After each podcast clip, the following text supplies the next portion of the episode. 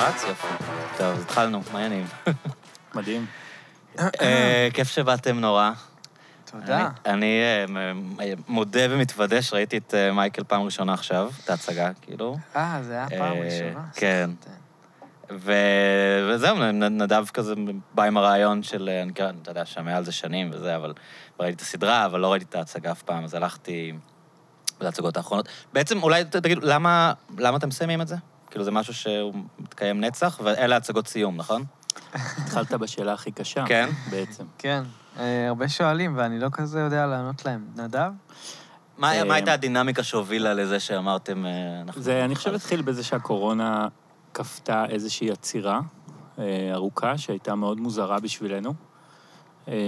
כי לא הייתה לנו אף עצירה במשך איזה 12 שנים או משהו כזה. פשוט רץ ורץ ורץ ורץ.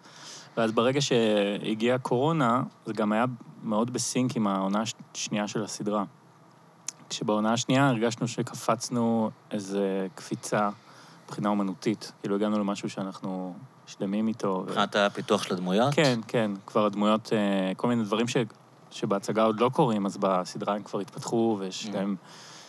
אה, כבר הם מרגישים טוב כזה, ואז אה, התחל- התחלנו לדמיין את החזרה לבמות, וקלטנו שאנחנו לא, לא סגורים על מה אנחנו מרגישים בנוגע לזה, ושיכול להיות ש...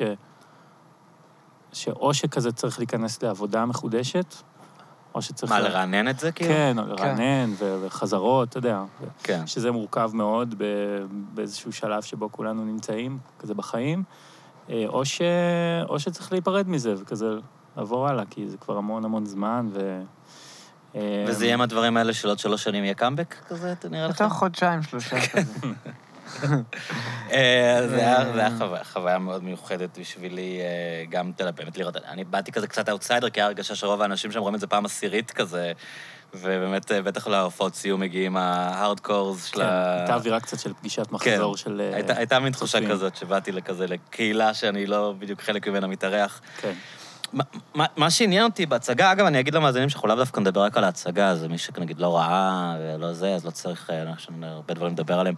אמ, מה- מה שלי היה, כאילו, בתור בן אדם שלא ראה את זה, אה, אה, היה לי קטעים מאוד קשים, כאילו, מאוד עצובים בצפייה, כאילו, זאת אומרת, אני, אני לרגע לא שכחתי את השכול שקיים שם ואת הפוסט-טראומה שחלק מהדמויות נמצאות, ואת המצב הטרגי של אה, יסמין, האחות וכל זה, והם... היה לי כאילו מין קצת מוזר, פגשתי בחוץ אה, ידידה שגם ראתה את זה פעם ראשונה, מכרה שלה, ואמרה לי, יואו, מה, איזה מצחיק היה? ואני כזה, לא יודע, כאילו, לא יודע להגיד שכאילו. החוויה היחידה שלי הייתה מצחיק. היה קטעים, כאילו, וגם היה קטעים שישבתי כזה ממש עצוב, והקהל צחק. לא יודע אם זה סתם אני דפוק, או, או אם זה מכוון ככה, או שכאילו זה שני רבדים. סתם מעניין אותי, כאילו, מבחינתכם, כמה, כמה אני הכנסתי את עצמי לסרט, וכמה באמת, כאילו, הרבדים האלה של ה- הטראגים, כאילו, נוכחים, ב- לא יודע, סתם, מה שיש לכם להגיד על זה? אה, יש את הרובד, יש את הרובד הזה. אני, האמת שכבר אה, נראה לי קצת שכחתי מזה, זה קצת כאילו מובן לי מאליו באיזשהו מקום, כן. וגם הדמות כבר מובנת לי מאליה, ובכלל, כל המשפחה הזאת. ונגיד הסדרה שאני רואה את זה, אז אני כזה לא כל כך צוח... הכל כבר רגיל לי. כאילו, שום דבר לא מוזר ולא מוגזם. כאילו, אנשים שאתה מכיר. כן, כזה... אה, אז אה, אנחנו... אני שם כאילו במין התנהלות כזאת של... של הדברים הקטנים, של הפרטים, של השטויות שמתעסקים בהם, של הדינמיקה הזאת של המשפחה.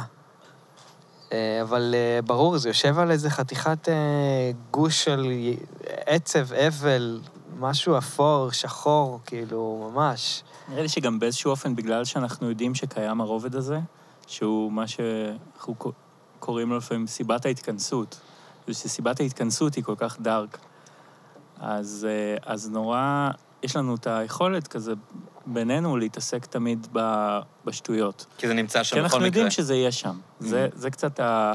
המצע. כן, המצב, זה, זה הכיף של הפורמט של ההצגה הזאת, ש, שאנחנו יודעים שכמה שלא נתעסק בשטויות, אז זה תמיד יהיה שם. ובאמת התגובות של אנשים, זה, נגיד מה שאתה מתאר, זה סוג אחד שהוא דווקא... זה, זה, זה חוזר כאילו מדי פעם. אני, יצא לי לשמוע את זה כמה פעמים, יש אנשים שהם ממש אה, לקחו את זה קשה דווקא, ש... וזה לא שיש לי איזה שכול. במשפחה, או כן, ישב כן, אצלי על שהם- משהו. סתם אני הסתכלתי עליהם, וכאילו, כזה חמלתי עליהם כל הזמן, לא יודע. כן, אני חושב שזה גם, גם הלחמול מהכיוון של ההתעסקות בשטויות, שזה סתם פשוט אמ, תופעה מאוד אנושית ומאוד נפוצה. אני חושב שה... אולי נגיד רגע מה זה מייקל, למי אוקיי. שלא מכיר, אני קצת מניחים שכולם כן. אה, יודעים. אתם רוצים רק ב- ממש ב... אתה רוצה אני להגיד? יודע שזה קצת סאחי, כזה כמו שאתם באתם לתל אביב לפני 15 שנה, אבל ממש רק להגיד מה הקונספט של ההצגה. אני יכול להגיד בתור מי שכתב כן. את העמוד ויקיפדיה של כן, ההצגה לפני אוקיי. 15 שנה. כן, תגיד את זה. אמ, אז אה, למרות שבטח שכתבו אותו אחריי, לא בדקתי. אה, זאת הצגה, היא התחילה ב- בתור עבודת גמר של אבי בבית ספר לתיאטרון חזותי בירושלים, ואז היא הייתה עבודה קצרה של רבע שעה או עשרים דקות, ואחר כך היא אמ, עלתה ב-2009 בתור הצגה מלאה, בתיאטרון תמונה. אה, זאת, אה, קראנו לזה קומדיה טרגית בהתחלה. אמ, לחמש משהו ומזרון. כן, לחמ- לחמש דמויות ומזרון, משהו כזה. שזה בעצם, אה, ואנחנו אנסמבל שמונה אה, חמישה משתתפים ובמאי, איתי וייזר, וזה בעצם מתאר, אה, קוראים לזה מייקל על שם מישהו, עלום, דמות עלומה, שהיא נמצאת במוקד אה, טקס, והקהל מגיע בעצם לטקס זיכרון. אה, זהו, עשינו המון המון... ילד שמת. ילד אוקיי, שמת, אני כן. בהתחלה חשבתי שזה חלל צה"ל, כאילו כששמעתי את כן. פעם ראשונה. זה י- ילד. שמת. משפחה שעושה טקס כן. אזכרה. אמ, אתה בעצם יודע מעט מאוד כן. עליו מההצגה, כאילו... אפילו לא יודעים אם הוא באמת היה חייל או ילד קטן יותר, כאילו, נשארנו את זה כזה כן. חסר צורה. ועשינו את זה המון המון פעמים, ואז זה עלה בתור אה, אה, סדרה ב-yes לפני כמה שנים, ואז העונה השנייה עלתה אה, השנה. אה, זהו, עכשיו אנחנו נפרדים. כביכול. שאלה שרציתי לשאול, זה- זה שאלות למי שראה, אבל אני מצטער, אנחנו לא רוצים להתקדם. למה, מה- מאיפה ההחלטה שכאילו דובי הוא הוא הדוד ולא האבא? זה, זה כאילו, את יודעת כאן, זה לא אינטואיטיבי. הוא תמיד היה דוד? זה השתנה עם אה, הזמן? זה תמיד היה דוד. הם תמיד היו אחים, כאילו, אה, נראה לי, התחלנו את זה מאלתור כזה של הדמויות, ו- ורבקה וכאילו האימא ואני, זה היה כזה דינמיקה ש... של זוג כזה מאוד, מההתחלה. לא יודע, זה היה מין obvious שזה יהיה זוג. זה גם עדיין אנשים, למרות שאומרים להם כן. בפרצוף, אנחנו אחים, הם לא, הם הולכים הביתה והם חושבים שאנחנו זוג. אמ, אז נראה לי שרצינו קצת, או שזה היה משהו ב- לא באמת מוחלט, אה, מסוכם ומדובר. משהו אה, כאילו, רצינו קצת להרחיק, לרווח שם משהו, כאילו, זה תא מש... זה לא, שזה לא יהיה תא משפחתי מאוד... אה, סטנדרטי? כן, ומאוד אה, סגור ואטום כזה. זה, יש איזה דוד. זה... אני גם הרגשתי יותר נוח להיות דוד, האמת.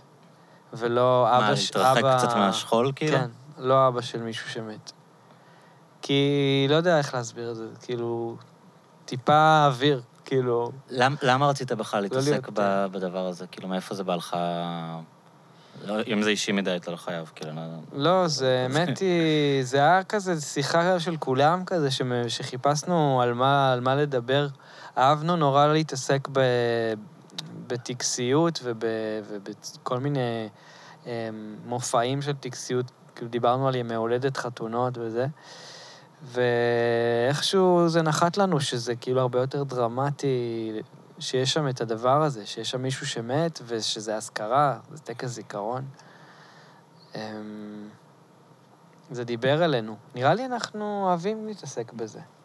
אז. הייתם ילדים כאלה שאוהבים את הטקסי יום זיכרון בצופים וזה, זה כאילו, יש, יש תמיד ז'אנר, נכון? של ילדים שאוהבים את יום הזיכרון, או קוראים ספרי שואה, שיש להם איזה עיסוק בשכול בתור... אה, לא, לא, אני הפוך, אני... אני גם לא. אני הייתי מנגן. בטקסים האלה. כן, תאר לעצמי. יכול לפעמים הייתי לזכור, מנגן יותר מדי. זאת אומרת, היה... אה, אני זוכר איזה טקס יום זיכרון בטבעון אחד, שזה... כולם היו באים לטקס הזה, וניגנתי בס, fretless, בהתקווה. ואתה אסור לנגן יותר מדי, בטח לא fretless. וניגנתי יותר מדי, אני חושב שזה היה הביצוע הכי, הכי מוזר של הטקס. מה זה fretless, חבר'ה? אה, fretless זה גיטרת בס, אה, כמו שהיה מנגן בו ז'אקו פסטוריוס, אני מאוד ממליץ להאזין לו. אה, גיטרה בלי, ה- בלי הסריגים. בעצם. אה, הסאונד שלו יותר כאילו... צליל אה, מיוחד כזה, כן.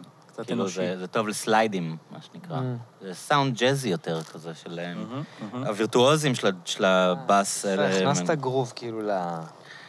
הכנסתי עם אה. מוזרות לא לא הולמת.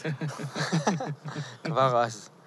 נראה לי שאצלי לפחות, אני, בגלל שאני תמיד אה, כאילו הרגשתי לא נוח מהטקסים האלה, וסלדתי מזה באיזושהי צורה, אז גם זה פה זה מאותו מקום. של כאילו להגיד די, איזשהו נו." ריחוק, כאילו. כן, אצלי לפחות, אני לא רוצה להכליל. אה, כן, כאילו, שזה...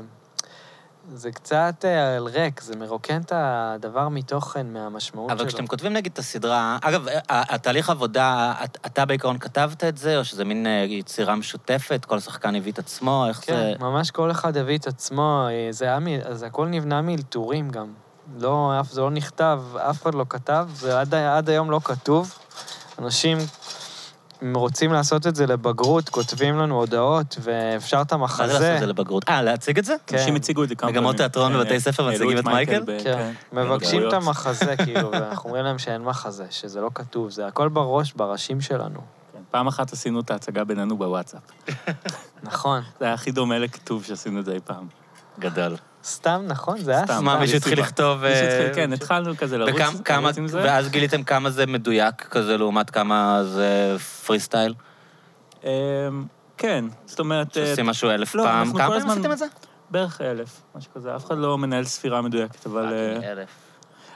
כן, זה. יש לנו כבר את התחושה של כמה זה... כמה זה דומה לפעם הקודמת נניח, וכמה זה...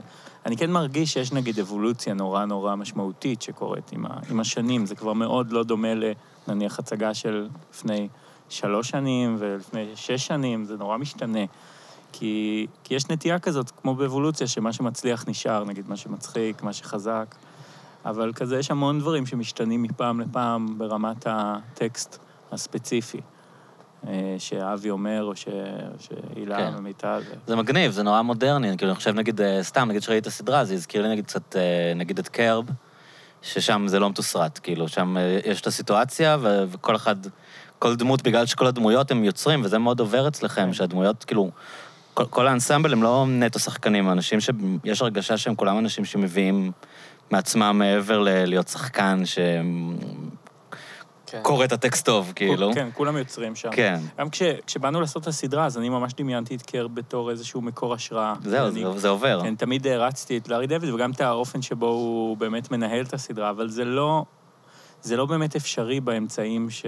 כי אין לכם מספיק טייקים לעשות. כן, ו... כי קרב זה מתאפשר בזכות זה שהם הם יכולים אחר כך, אה, הם גם מאלתרים את זה המון, מספיק פעמים, וגם אה, עורכים את זה הרבה זמן. כי הם, תחשוב... כל פרק יש להם אין סוף זמן. כן, ו- תחשוב כמה הבעיות הם יכולים לפתור בעריכה, שהיום בטלוויזיה כאן הבהירו לנו כאילו בשלב די מוקדם, בשתי העונות בעצם, שהכל חייב להיות כתוב.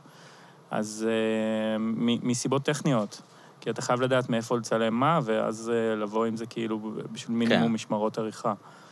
אז... אה, אז אנחנו עוד לא שם, אבל זה כן עבר, עובדה שהיה לי את התחושה הזאת, כאילו... היו כמה, נגיד, היו כמה סצנות כזה עם אה, חופש? מסוים. כן, היה סצנה שהתקשרנו ממש לאנשים לחפש עבודה מהעיתון. זהו, רציתי לשאול אם זה אמיתי, זה אמיתי, נכון? כן, יש שם כמה וואי, זה ש... קורע. שכן, אה, ש... הן היו כתובות מ... מ... מלפני, אבל אה, חוץ מזה עפנו על זה וניסינו... כאילו שדובי מחפש עבודה ומתקשרים לחפש עבודה, שניהם כן. מחפשים עבודה, כן, ו- ועשיתם באמת טלפונים אמיתיים ל- כן, כן. מהעיתון, כאילו? ממש מהעיתון, אמיתי.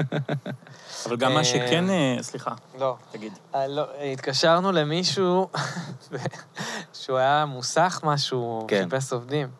וזה היה נורא מצחיק. והוא באיזשהו שלב הבין, נראה לי, שאנחנו צוחקים, והוא התחיל גם לצחוק. קיצור, באתי הביתה בערב וקיבלתי הודעה בפייסבוק, תקשיב, אחי, אתם גדולים.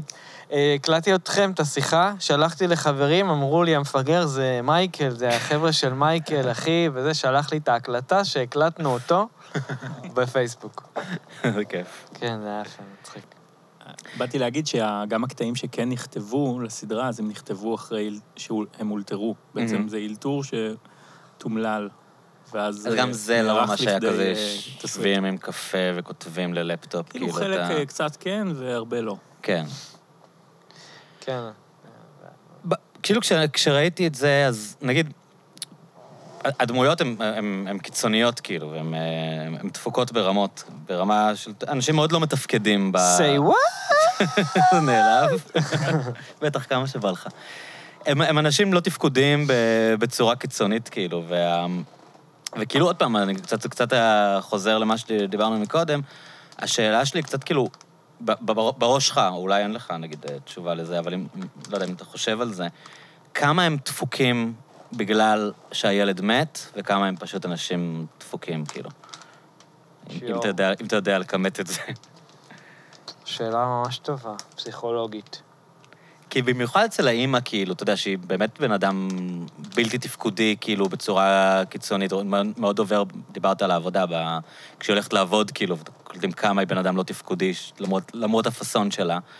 ואז אתה באמת, אני, גם היה לי שיחה על זה כזה עם חברים, שראינו, אם, אם היא ככה כי, כי בן, פשוט בן אדם דפוק, או שהיא ככה כי בן אדם במין פוסט-טראומה מזה שהבן שלה מת.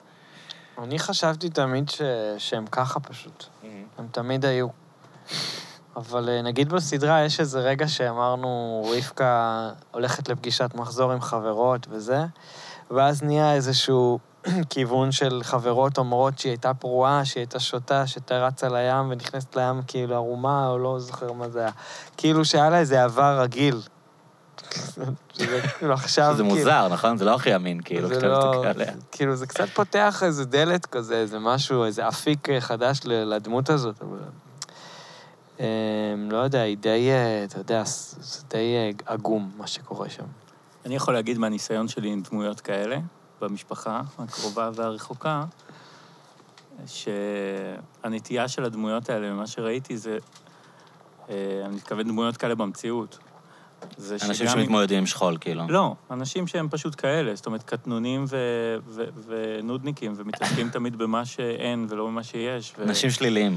כן, אז הנטייה היא שכשקורה משהו אה, חמור, אז להגיד ש- שהם ככה בגלל זה. Mm, זאת אומרת, לפעמים נתפסים על זה. כן, נתפסים על זה, וגם בסדרה זה קורה לפעמים שהם...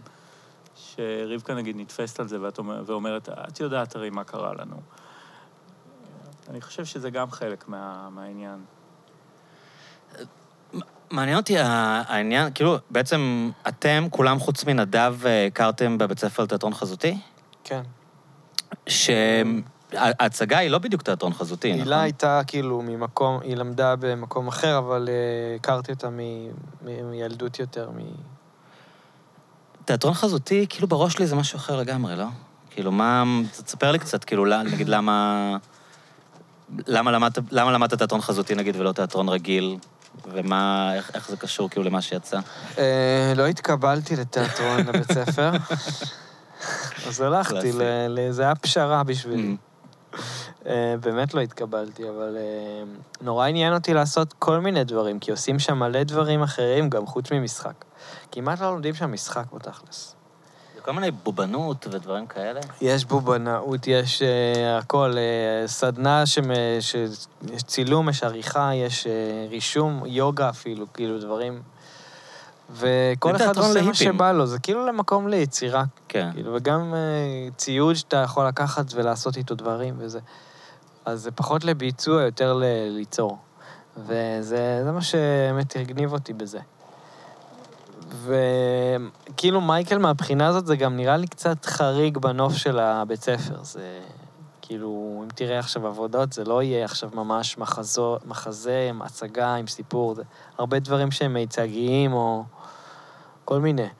וגם קומדיה, זה היה חריג אז, כאילו, יחסית. כי מה, הרבה אנשים כאלה אמנים שמתעסקים בדברים רציניים? אה, לפחות בזמן שאני הייתי שם, כן, זה היה יותר דברים אה, רציניים, אה, אומנותיים. כאילו, היה גם פה ושם, אבל כן. אני יותר הלכתי לקטע של משחק ודמויות והומור. הרגשתי קצת מיינסטרימי יחסית, מדי. מיינסטרים מדי. אה? התנשאו עליך, כל הארטיסטים? לא, האמת שהיה ממש כיף, היה, היה כיף שם, היה תמיכה. במקום אה, ש... ואתה גדלת בירושלים? לא. לא, גדלתי בקריית אתא. אה, אז אתם בעצם סוג של שכנים משני הצדדים, לא? אה, כן, אבל לא לגמרי. זאת אומרת, לא באמת אה, הכרנו בצפון. טבעון זה גם לא בקריות, באמת. כן. זה נקרא קריה, אבל זה לא... גיאוגרפית זה לא חלק זה מהקריות. כפר. אה, זה זה מין מקום זה כזה. הת- התיישבות, אה, התנחלות. התנחלות. כן, נקרא לזה התנחלות. שמפורסמת בגלל שרה נתניהו בעיקר בימינו. יפה. מה, לא- כולם יודעים את זה? כן? ששרה נתניהו מ... אולי בטבעון מנסים ל- קצת לטשטש נדב את גדל ה... על ברכיה של שרה. כן. ואתם בעצם, אה, את- איפה אתם הכרתם? התחלתם לעבוד ב... כאילו, מה- איך נוצר הקשר ביניכם? איך אתה, איך, איך אתה הצטרפת ל... אנחנו חברה? נהיינו חברים באיזה מסיבה כאן, בתל אביב, של- אצל איזה חבר אה, משותף שלנו, ו... ונהיינו חברים ממש טובים. אה, ואז כזה הייתי בא לירושלים הרבה. אה, ישן אצלם בבית. אה, זוכר שדיברנו בחרוזים, זה מה שאני לא זוכר הרבה, אבל דיברנו בחרוזים הרבה. מה, זה אומר? לא יודע, אתה זוכר את זה? זוכר שהיינו מדברים... כאילו מישהו אומר משפט והשני משהו מחזיר כזה, יש לי לחרוז? איזה זיכרון מעורפל כמו כזה. בשיחה קסומה? אבל כזה אבי היה הכי מצחיק והכי גאון פשוט. נראה לי, אה, תודה. נראה לי שעות פשוט בילינו ביחד בלדבר שטויות כן. ודברים, ויכולנו להעביר את הזמן מכלום כזה. כן, הרבה זמן, היינו ביחד הרבה זמן. המון. היה איזה... אה, אני חושב שהיו כמה שנים בחיים ש- שכל הזמן... שהיינו ביחד. כן, פשוט כל הזמן היינו באותו מקום. ואז עשיתם את אבי הזמר במקביל? ש... אבי התחיל עם זה בחזותי בעצם אה, עוד לפני אה, מייקל זה ממש אותם. שנים? כן, ממש אה, בשנה לפני מייקל עשיתי את זה בתור עבודת גמר גם אה, את אבי הזמר. מין סרט כזה, קצר. ו... ואחר כך, כאילו, אחרי שסיימתי את הבית ספר וזה, אז אה, זה פתאום עלה, הציעו לנו לעשות איזה פסטיבל משהו עם הדמות, לעשות הופעה. ונדב כאילו היה, היינו כזה בקשר, והוא אמר, יאללה, בוא נעשה, הוא דרבן, דרבן אותנו, ופתאום הרמנו הופעה כזה ברגע, בעשר דקות. כן, לא, עשינו הופעה במועדון זמר מזרחי אמיתי, ב-2010, שנמצא במרתף, היה, עכשיו אין שם כלום, אבל זה נמצא במרתף של הבניין בתחנה מרכזית ישנה, שהיום האולפן שלי שם. אבל אז היה שם מין מועדון כזה ארדקור, והשתלטנו עליו כזה לסוף שבוע.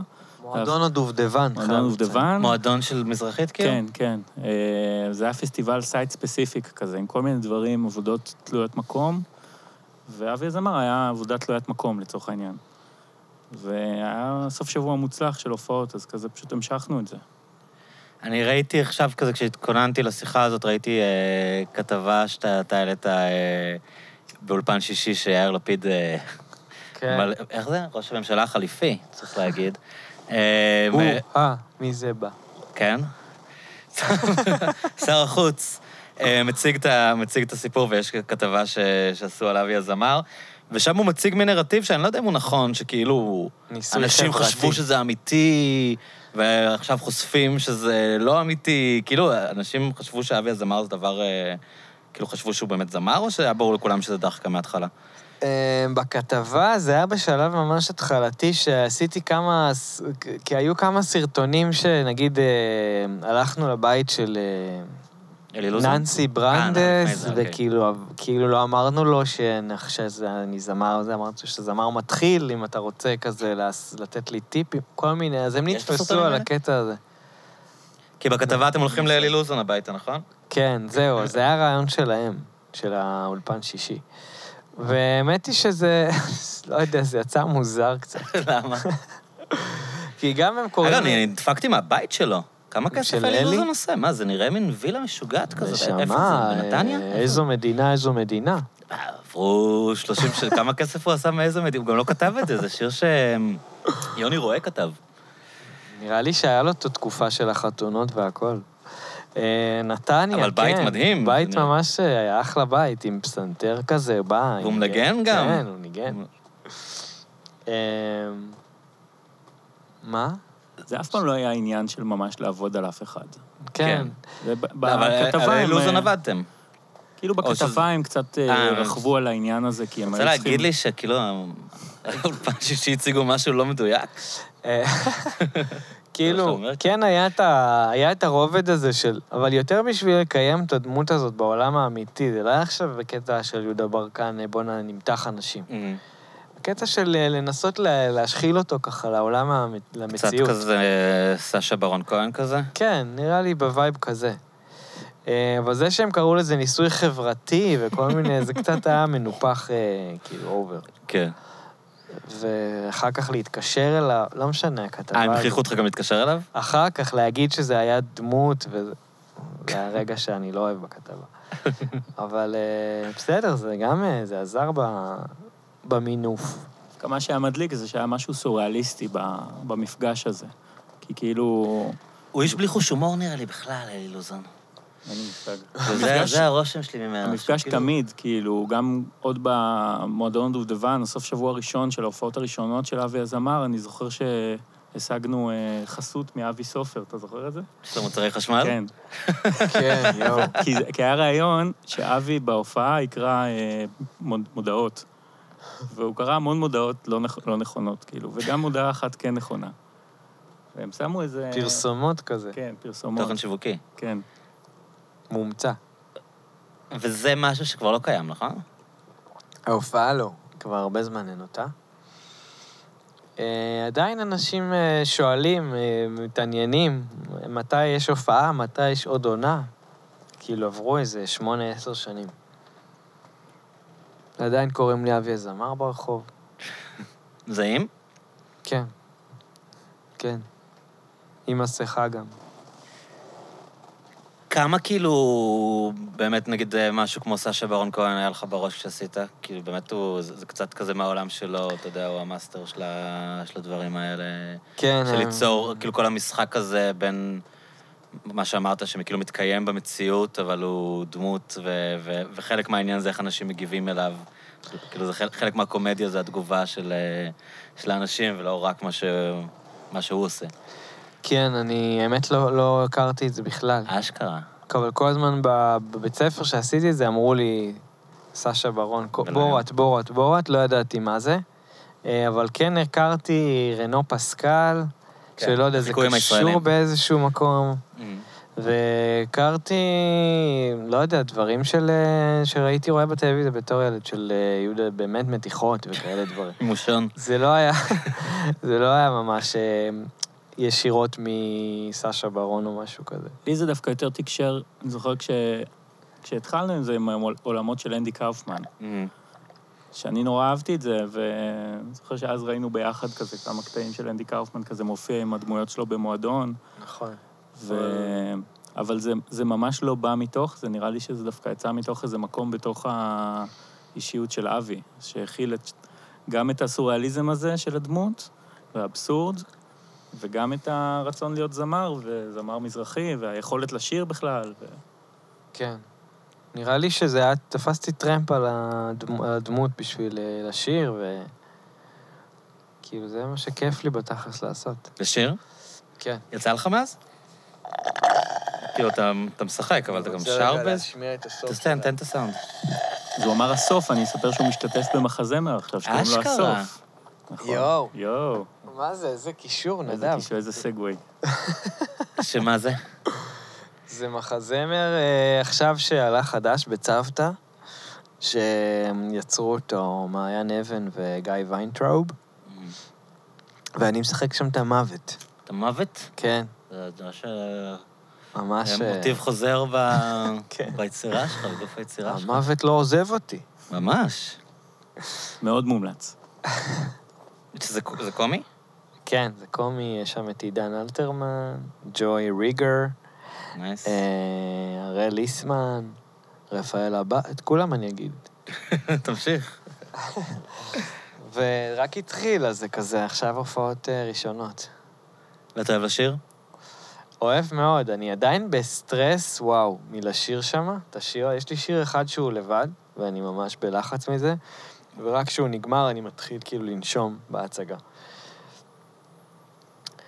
אמ, אבל גם הבנתי, אגב, אבי הזמר וטרמפים וזה, שכשאני, כאילו, בא לי לשיר כאילו רגיל, כמו, כמו עצמי, אז כן, אה, יש לי איזה, נטייה לשיר קצת אה, מז, משהו מזרחי, כאילו, שהוא טבעי. אתה מזרחי באיזשהו אופן?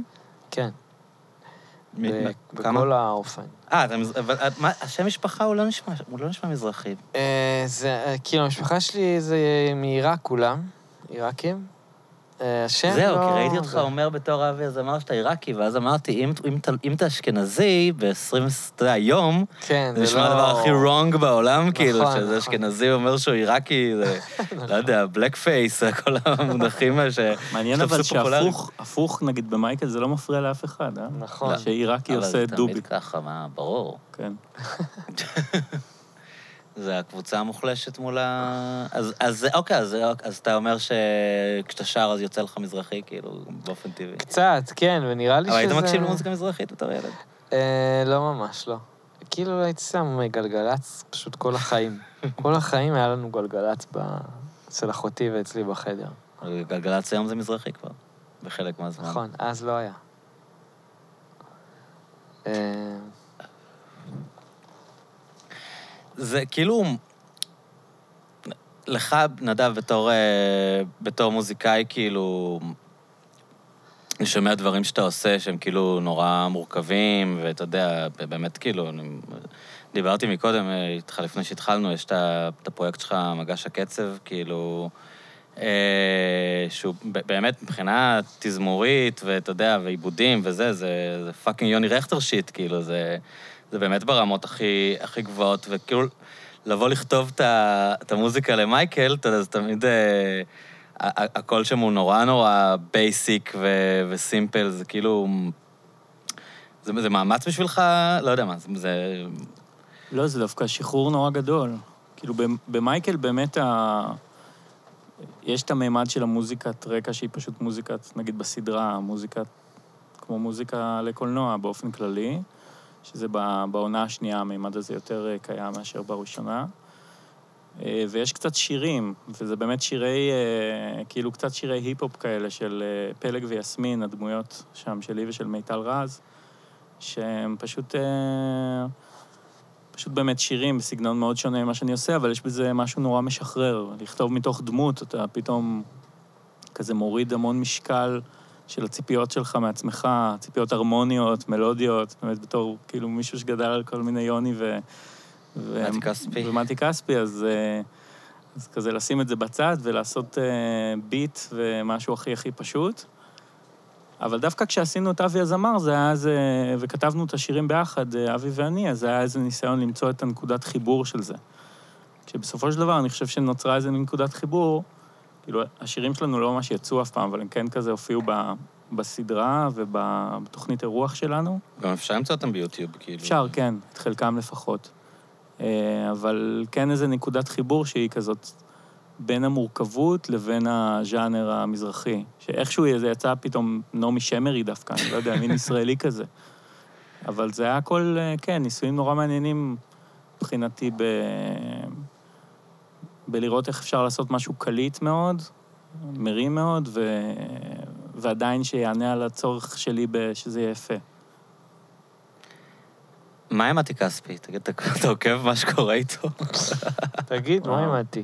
מישהו כתב משהו נורא מצחיק בדיוק, כתב... אה, אה, אני, אני סבבה עם הדעות של מתי כספי, אבל המוזיקה שלו מחורבנת. וואט? כן, לא, הוא כתב את זה בצחוק, כי זה כאילו ההפך מ... ממה ש... שאומרים בדרך כלל. כן. אה, אני לא יודע, זו סיטואציה נורא מורכבת. אתה רוצה לתת כאילו מקום ל, לכולם, גם למי שמרגיש כל דבר. ו, ואני באופן כללי, בנטייה שלי, כל פעם שאומן מתנהג בחייו בצורה שהיא לא בדיוק כמו שאני, אז אני מרגיש שלא צריך לשפוט אנשים, אה, לפחות לא צריך להשליך את זה על המוזיקה שלהם. כאילו, אפשר ליהנות מאומנות אה, בלי קשר, כמעט בלי קשר למה ש... זאת אומרת, אלא אם זה מקרים, אתה יודע, ממש חמורים, שמישהו עשה משהו חמור, אבל כל עוד זה דעות וכאלה, אז אפשר פשוט אה, להפריד את זה. נגיד, אני... אז גם אריאל זילבר, מקשיב נגיד? לאריאל זילבר בכיף שלי, כן. ואירחנו אותו עם אלון עדר איזה פעמיים, ואני תמיד הייתי כאילו הכי שמח בזה, ומבחינתי כל הנקודות חיבור הן רק חיוביות. אז אם היה אפשר כזה, ל, לא יודע, לעשות אה, קמפיין לפייזר עם מתי כספי, אז פייזר, הייתי בכיף עושה את זה. מה? סתם. קמפיין אמרת? כן, קמפיין לפייזר עם מתי כספי, זה... בעיניי זה רעיון. מגניב פשוט כי למה העמדה אתה שלו... שואל, אבל כי מה, כי מה היה עם מתי כספי? אה, אוקיי, אתה לא מכיר. מתי כספי הוא כאילו... הוא נגד ה... זה. הוא בגדול אה, החליט שישראל היא מין... אה, סתם, אני לא רוצה להציג את... אתה יודע, to misrepresent מתי כספי, חס I would like וחלילה. to misrepresent. חס וחלילה. אני פשוט, אה, הוא אה, בכל ה... כאילו, הוא מתייחס ל- לצעדים של הקורונה כמין אה, דיקטטורה קיצונית כזאת, ו... ומין דיכוי כזה, והוא אה, היה אמור לבוא להופיע בישראל עכשיו, אה, הוא עבר לאיטליה. אה, הוא לא... כן, היה לו דעות כאילו מאוד אה, אנטי-ממסדיות בתקופת הקורונה, וגם אנטי-ביבי מאוד.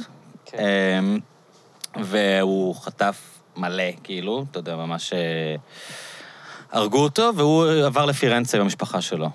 ועכשיו הוא היה אמור אה, לבוא לישראל לטור, וקצת לפני שההופעות התחילו, אז החזירו את התו הירוק. והוא אמר שהוא כאילו לא מוכן שהמדינה אה, תקבע מי רואה את ההופעה שלו ומי לא, משהו ב- ב- בסגנון הזה, כן. ושהוא מבטל את הטור, כאילו, כי הוא לא יהיה חלק מהמשטר הדיכוי ש, שמונע מאנשים, אה, וכמובן, אתה יודע, עורר אה, הרבה מאוד אה, רעש סביב העניין הזה. אני חושב שזה מגניב, כאילו, ש... אני גם מאוד, מאוד בעד האופן שבו אתה משתמש, כאילו, בכוח המסוים שיש לך כדי לחזק את ההצהרה שלך, בלי קשר אם אני מסכים איתה או אני לא. גם חושב שזה מגניב שהוא אנטי-ממסדי. כאילו, אני חושב שיש משהו קול בזה, אתה רואה את זה בעיקר אצל אנשים מבוגרים, שכאילו כבר קצת על הזין שלהם, כאילו, אתה יודע, הגיעו לאיזה גיל גם, ב, גם בעולם, כאילו, אריק קלפטון וואן מוריסון, הם מאוד בעניין הזה של כאילו, אה, על הזין שלנו, הלוקדאון וזה. וכאילו יש בזה משהו ש... כאילו הוא, הוא רואה משהו אחר, הוא לא רואה את, ה... את המלחמה בקורונה. הוא, הוא רואה כאן כאילו מין מלחמה באיזשהו, כאילו, ממסדיות ואיזשהו... בייחוד שבהקשר דיכוי- של מתי כספי, אז, אז היסוד האנטי-ממסדי באישיות שלו זה לדעתי חלק מהותי בגאונות שלו. זאת אומרת, מה, מהרגע הראשון שהוא, שהוא נהיה... כן, הוא, הוא דמות מוזיקאי. אנטי-ממסדית, אני לא... לא, כ- כמוזיקאי, הוא, אני חושב שבאופי שלו הוא מאוד מרדן. כאילו, אני מאוד מאוד אוהב את מתי כספי. זה השומר מוזר, מס- כי אנשים דווקא מסך חושבים עליו זה- בתור, אתה יודע, אנשים ש... בן אדם שהלחין את ה- את השירי יום זיכרון האלה שניגנת בטבעון, כאילו, אנשים... אתה מה מתכוון? כאילו, אנשים חושבים על פורטיס כ...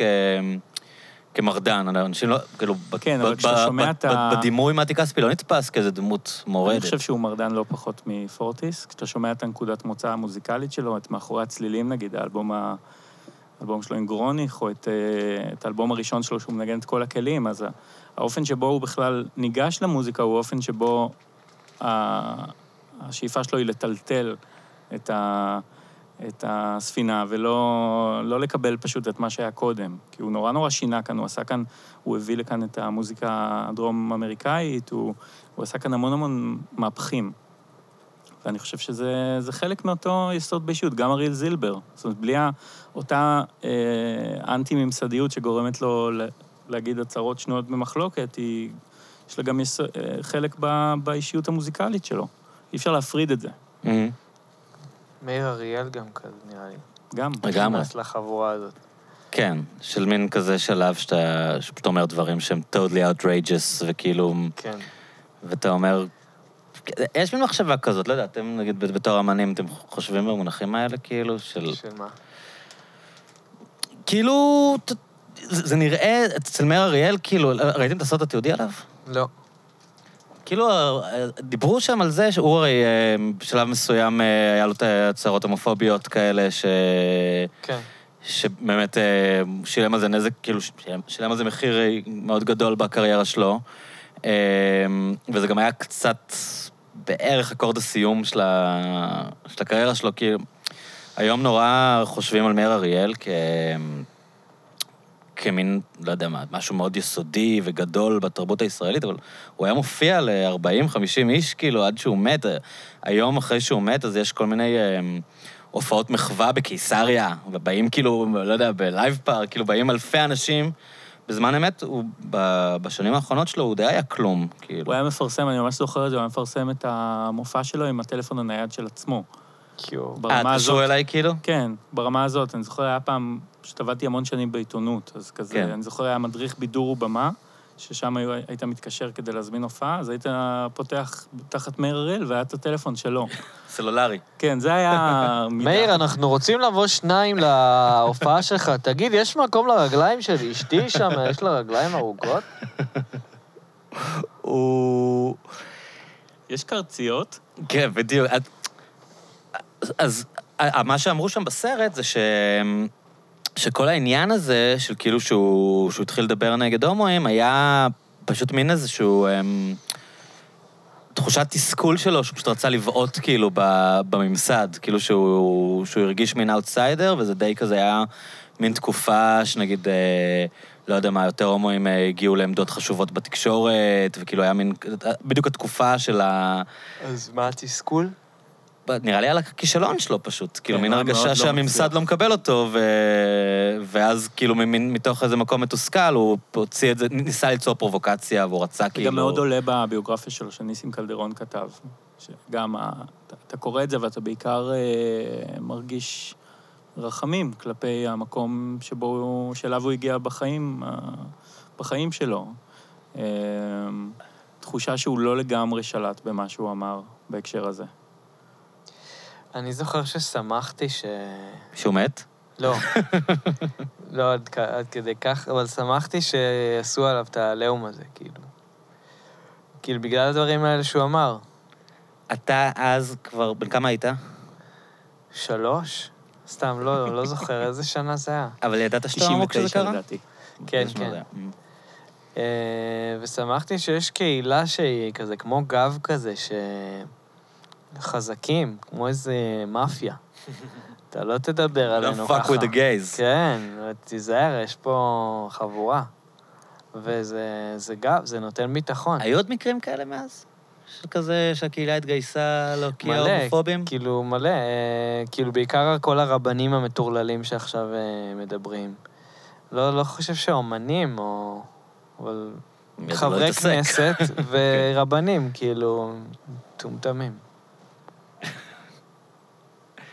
והקהילה היא ממש, אה, לא זה הקהילה, יש, יש כמה שהם אה, בולטים בה והם, והם לא מפחדים. ו, והרבה ב, באמת בעמדות אה, מפתח של עיתונות ותקשורת וזה שמגבים את זה. אני מת על זה, כאילו... אתה חי, טוב, כי אתה אה, מבסוט מהמונח הזה קהילה. כאילו, יש אנשים שאומרים, כאילו, מה הקהילה? זה סתם אנשים שזה הנטייה המינית שלהם, מה- לא, אתה יודע מה אני מתכוון? יש כאילו גם הומואים שאומרים, כאילו, כן. למה אתה אומר לי שאני חלק מקהילה? זה שאני כאילו הומו, זה אומר שאתה ישר זורק אותי לתוך איזושהי קבוצה מסוימת, כאילו. כן, אני לא כזה מרגיש חלק מקהילה, אבל בדברים האלה כן. כשיש מאבק טוב משותף? כן, יש אה, הסתדרות ההומואים, כאילו. כן, מה זה קהילה? זה כמו שעכשיו קהילת העיראקים, היוצאי עיראק. מה, מה, בסדר. אז גם לא, כולם... אה, משולבים משפחה. בחיים, עכשיו אנחנו לא נפגשים. אז כזה. מעניין אתכם להגיד כאילו גם דברים פוליטיים? נגיד, אה, נדב, האלבומים שלך הם מאוד אישיים, כאילו, ממה ששמעתי, אין אין כאילו הרבה התעסקויות בדברים חברתיים, ממה ש... כאילו, מהאלבום שלך לפחות ששמעתי, וההצגה היא כאילו, היא מאוד ב- באזורים האישיים, כאילו, ככל שאני יכול לראות. אה, יש לכם עניין כאילו ב... באיזשהם, אה, לא יודע מה, בתכנים חברתיים, בלהגיד דברים כאילו במסגרת האמנות שלכם? אותי מאוד מעניין לשמוע את זה, אבל כשמצאתי את עצמי מנסה ליצור משהו כזה, זה פשוט הרגיש לי לא טבעי. הרגשתי שזה לא השדה הטבעי שלי. מתישהו היה לי איזה שבוע שנסעתי לכתוב שירים כזה, והיה שם איזה שיר אחד שאמרתי, יאללה, בוא ננסה להגיד משהו שאני מרגיש ברמה יותר, אה, יותר כללית כזאת, ופשוט הרגשתי שזה לא מספיק טוב. וש... אז כנראה שזה לא העולם שלי. אבל uh, אני, אני בעד זה, זאת אומרת, כמו שאמרתי לך על uh, מתי כספי, אני בעד ש... אני גם, אני גם אוהב שאריאל זילבר מוציא את השירים המוזרים שלו עם, ה, עם הזוויות שלו על, ה, על החיים. כי אני חושב שאם זה הנשק שלך, אז תשתמש בו. זה נשק מאוד לא מסוכן, יחסית. Uh, הוא... גם אפילו במקרה שלו זה גם יכולים להיות שירים טובים פתאום. כן, זה מאוד מוזר, שאתה שומע אותו שר. כהנא צדק, וזה לחן טוב, כאילו. הלחן האתיופי המגניב הזה, ממש כן. שיר טוב, כאילו, זה כן. מעצבן. כן, נכון, אני גם, של אריאל זילבר. יש לו שיר כהנא צדק. אני גם, אה, כן, מוצא... וזה ש- זה זה אחלה שיר, כאילו. אבל אתה יודע, זה מוזר. התחושה היא שזה עושה מין קונפליקט פנימי מעניין כזה, ופתאום אתה מוצא את עצמך... Mm, מנס- מאתגר אותך כזה, כן, מוציא אותך מאזור הנוחות. ואתה, זה בעצם מאלץ אותך להקשיב לו, שזה מה שהוא רצה. אז אתה אומר, בואנה, הוא הצליח. אז, אה, אז זה לא אומר שאני אשנה את דעתי בעקבות זה, אבל אני כן בעד שאנשים ישתמשו ב... ו- וכל פעם, כמובן, שמישהו מנסה להשתיק מישהו על הרקע הזה. נגיד, היה, אני חושב, בכל השנים שלי שעבדתי בעיתון הארץ, היה משהו אחד שכתבתי לעמוד הדעות, וזה היה כשהתנגדו לזה שזילבר יקבל פרס מפעל חיים בעכו"ם. ואותי זה נורא קומם. כי, כי הרגשתי שאי אפשר uh, לשלול ממנו פרס מפעל חיים בגלל הדעות האלה, כי זה דעות. ודעות זה דבר חוקי. ו... והפרס הוא על היצירה. כן, כאילו, זה לא פרס משנה. על היצירה, וכשאתה, להפך, זאת אומרת, כשאתה רואה מי הקהל שלו ומי מי בא לברבי, ושכולם כזה, כאיש אחד אומרים לו אה, אמן כשהוא, כשהוא שותה משהו, אתה יודע, שלוק מהערק שלו, וכזה אומר, אה, לא, לא יודע, ש- לא זוכר מה הניסוח. מברך. על הערק? מברך, וכולם, כל הקהל, לא משנה מי זה, אומרים לו אמן, אז אתה, אתה אומר, בואנה, מוזיקה זה דבר מדהים, הוא מחבר, הוא כאילו מחזק, הוא... אז זה יפה בעיניי. אז אני, אני רק בעד אה, החיבור הזה, וכל מי שרוצה לשיר משהו, שישיר אותו, פשוט שלא יהרוג אף אחד. לך מפריע, ונגיד, לשמוע את מאיר אריאל כי, כי הוא אמר דברים הומופובים, או שאתה גם כאילו... לא. אמ, לא יצא לי לשמוע אותו, אבל נראה לי שבעיקרון, אם אנחנו מדברים, אז לא. כאילו, אני די מסכים. נגיד אז, שאגב, מאיר אריאל, אז אה, כאילו ממש כזה כעסתי על זה. ולא בא לי לשמוע, כי זה עורר בי כעס. כאילו, אבל... כן. אה, נראה לי שזה פחות אה, יושב על מקום אישי כזה, שעכשיו הדעות שלו, אה, זה שהוא כהנא, לא יודע. אז אני לא יודע, אני צריך לשמוע את השיר, מעניין, סקרנתם אותי. מה, את כאן הצדק? כן. אפשר להכניס את זה אולי כאן בשלב. הזה של הפודקאסט. כאילו, עוד פעם, זה באמת אה, מאוד, מבלבל, כאילו, מה, אתה עושה עם דבר כזה. אבל אני מסכים איתך שיש משהו, כאילו, לא יודע אם אומנותי, אבל יש משהו בעצם זה, שכאילו, שהוא מצליח לבלבל אותך ככה, שהוא, שהוא שווה התייחסות, שהוא מעניין לכשעצמו, כאילו, יותר מלהגיד, אה, הוא... בוא נחשוב איך. היינו מרגישים, נניח, אם מישהו, נגיד בארצות הברית, מאוד מאוד ימני, היה מחרים את ג'ון לנון בגלל אה, Give Peace a Chance. אז היינו אומרים, מה, אתה דפוק? טוב, לא שזה השיר הכי טוב של לנון, כן? אבל, כן. אבל באופן כללי, ההחרמה הזאת היא לא... נראית מאוד לא, לא עניינית. כן. זה נראה גם שזה אנשים שלא ממש אוהבים אמנות מלכתחילה, הם מתעסקים עם זה. הרבה חוסר פעמים. הבנה של, של אומנות ושל זה שהיא היא נועדה לבטא דברים שעוברים עליך, ואם זה מבטא את מה שעובר על הבן אדם, אז, אז יש לזה מקום. זאת אומרת, לא חייבים לשמוע את זה, יכול להיות שזה לא טוב. אבל הוא צריך להיות כאילו אמיתי במה שהוא עושה, זה מה שאתה אומר? אגב, זה מזכיר לי שכשהקימו היכל תרבות בקריית ארבע, לא בקריית ארבע, עוד לפני, עזבו, אין, לא יודע אם יש היכל תרבות בקריית ארבע, באריאל, היה סערה, כן, הרבה. אמנים אמרו שהם לא יופיעו שם. כן, זה התחיל בעצם עם ידיעה של כן. חיים לוינסון, האורח אה, של כבוד כאן בפודקאסט, ו... ואז אני זוכר שהתקשרה אליי אה, מישהי מתמונה לדבר על זה, כי עשינו מייקל אז. התחיל איזה דיבור על זה, ואז אני כאילו... אם אתם מוכנים להופיע עם מייקל בק- היא אפילו לא שאלה? את זה, היא אפילו לא שאלה את זה, אבל... אבל... אה, זה כאילו, עוד לא היה בנוי, אני חושב, ההיכל הזה, אבל... אה, כזה- וכבר זה הפך להיות כאילו זה- פולמוס, כן, למרות שזה. תיאורטי לגמרי כבר. הרי אני חושב שהחרם של השחקנים בקאמרי שהיה אז התחיל עוד לפני שזה בכלל קבעו את. הלוח הצגות, כן. אבל כאילו הנושא עלה, ואני כזה אוטומטית, אה, הייתי גם הרבה יותר צעיר מעכשיו, ואמרתי אוטומטית, אני לא אלך להופיע שם. לא יודע, עכשיו אני לא עומד מאחורי זה, כי, כי מאז גם השתנו כל מיני דברים בתפיסה שלי.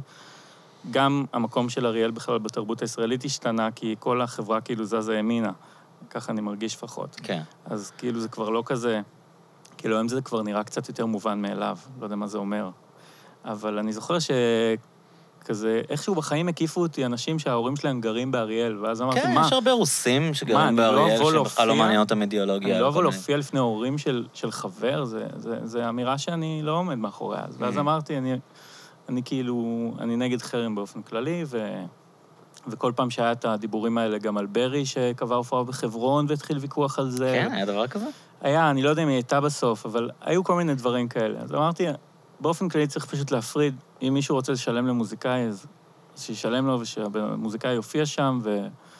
לא יודע, זו סוגיה מורכבת, אבל, אה, אבל אני, לא נגד, אני לא בעד החרם, באופן כן. כללי. מה, אבי? עושה פרצוף... אה, לא, אני מזדהה עם מה שאתה אומר, כאילו... חרם זה באמת נשמע משהו חזק כזה. אני גם נראה לי הייתי כמוך, אבל uh, זה קשה להגיד, כאילו... לא יודע. אני לא, זה קצת נושא שמבלבל אותי. גם החיים של אומן בישראל הם כל כך מורכבים, שאם אתה יכול כבר להופיע איפשהו, ואז אתה מחליט לא לעשות את זה, יש לזה משמעויות נורא, נורא כבדות מהמון בחינות, וזה... אי אפשר לא לקחת את זה כחלק מהשיקולים. אז, אה, אז אני פשוט לא יודע מה הדבר הנכון, אבל אני כאילו לא... לא חושב שצריך לשפוט מישהו בגלל שהוא החליט משהו בסוגיה הזאת. אתם בסרט מאוד סגר? עכשיו נגיד אתה מתחיל אה, הצגה חדשה, ויכול להיות שעוד חודש אה, לא תוכלו להופיע איתה יותר. נראה לי התייאשתי, כאילו, לא... יאללה, מה שיהיה, יהיה, קוסאמה. עוד סגר זה נראה לי הזיה שלך מהתחת. באמת. צריך שזה ייגמר, כאילו, כל הסגרים האלה. אתה חושב שצריך להמשיך פשוט? להמשיך. חבר'ה, להמשיך. כן, אני קצת כמוך, אני לא יודע, נראה לי שאף אחד אין מושג מה הוא עושה. אני הייתי בטוח שכאילו, שהתגובה תהיה בפעם השנייה הרבה יותר רגועה. כאילו, הייתי בטוח שאנשים כזה, אה, כן, עברנו את הקורונה, עברנו את הסגרים, ראינו שכאילו, אנשים לא מתים, לא נופלים מתים ברחובות, וכאילו, אמ, אם זה יחזור, אז כאילו הגישה של האנשים תהיה קצת שונה, אבל זה נראה שזו אותה גישה בדיוק, כאילו, כלום לא... כן, גם אני חשבתי שאחרי שכבר שחררו אותנו לחופשי, אז יהיה קשה עוד פעם לכלוא אותנו, אבל גם שאנשים יתנגדו, נראה לי ש... שלא. פשוט אנחנו, יש לנו איזה זומביות כזאת לכולנו פה. טוב, אז נהיה בסגר. טוב, אוקיי, אז לא נעבוד, אוקיי, לא נצא מהבית, תודה. כאילו, מה קורה פה? ממש מעצבן האמת. איך אתה מבין את זה? כאילו, אתה חושב ש... לי זה נראה שכאילו... אנשים ממש מפחדים, לא? כי אני לא מצליח למצוא הסבר אחר. כולם אומרים... כאילו, אתה מדבר עם אנשים, אז הם אומרים לך, אה, צריך, ביחד, כולם מדברים כזה על, אתה יודע, על האינטרס של הכלל, ואנחנו עושים את זה כדי ביחד להילחם, כאילו, בקורונה, אבל אני לא מכיר את הישראלים ככאלה, זה נראה לי יותר, כאילו, קצת שהם כולם מתים מפחד, כי, כי אחרת, איך, איך אתה מצליח לגייס את האנשים כל כך בקלות... אה, כן, הפחדה, הפחדה. נראה לי זה בעיקר עובד על הפחדה.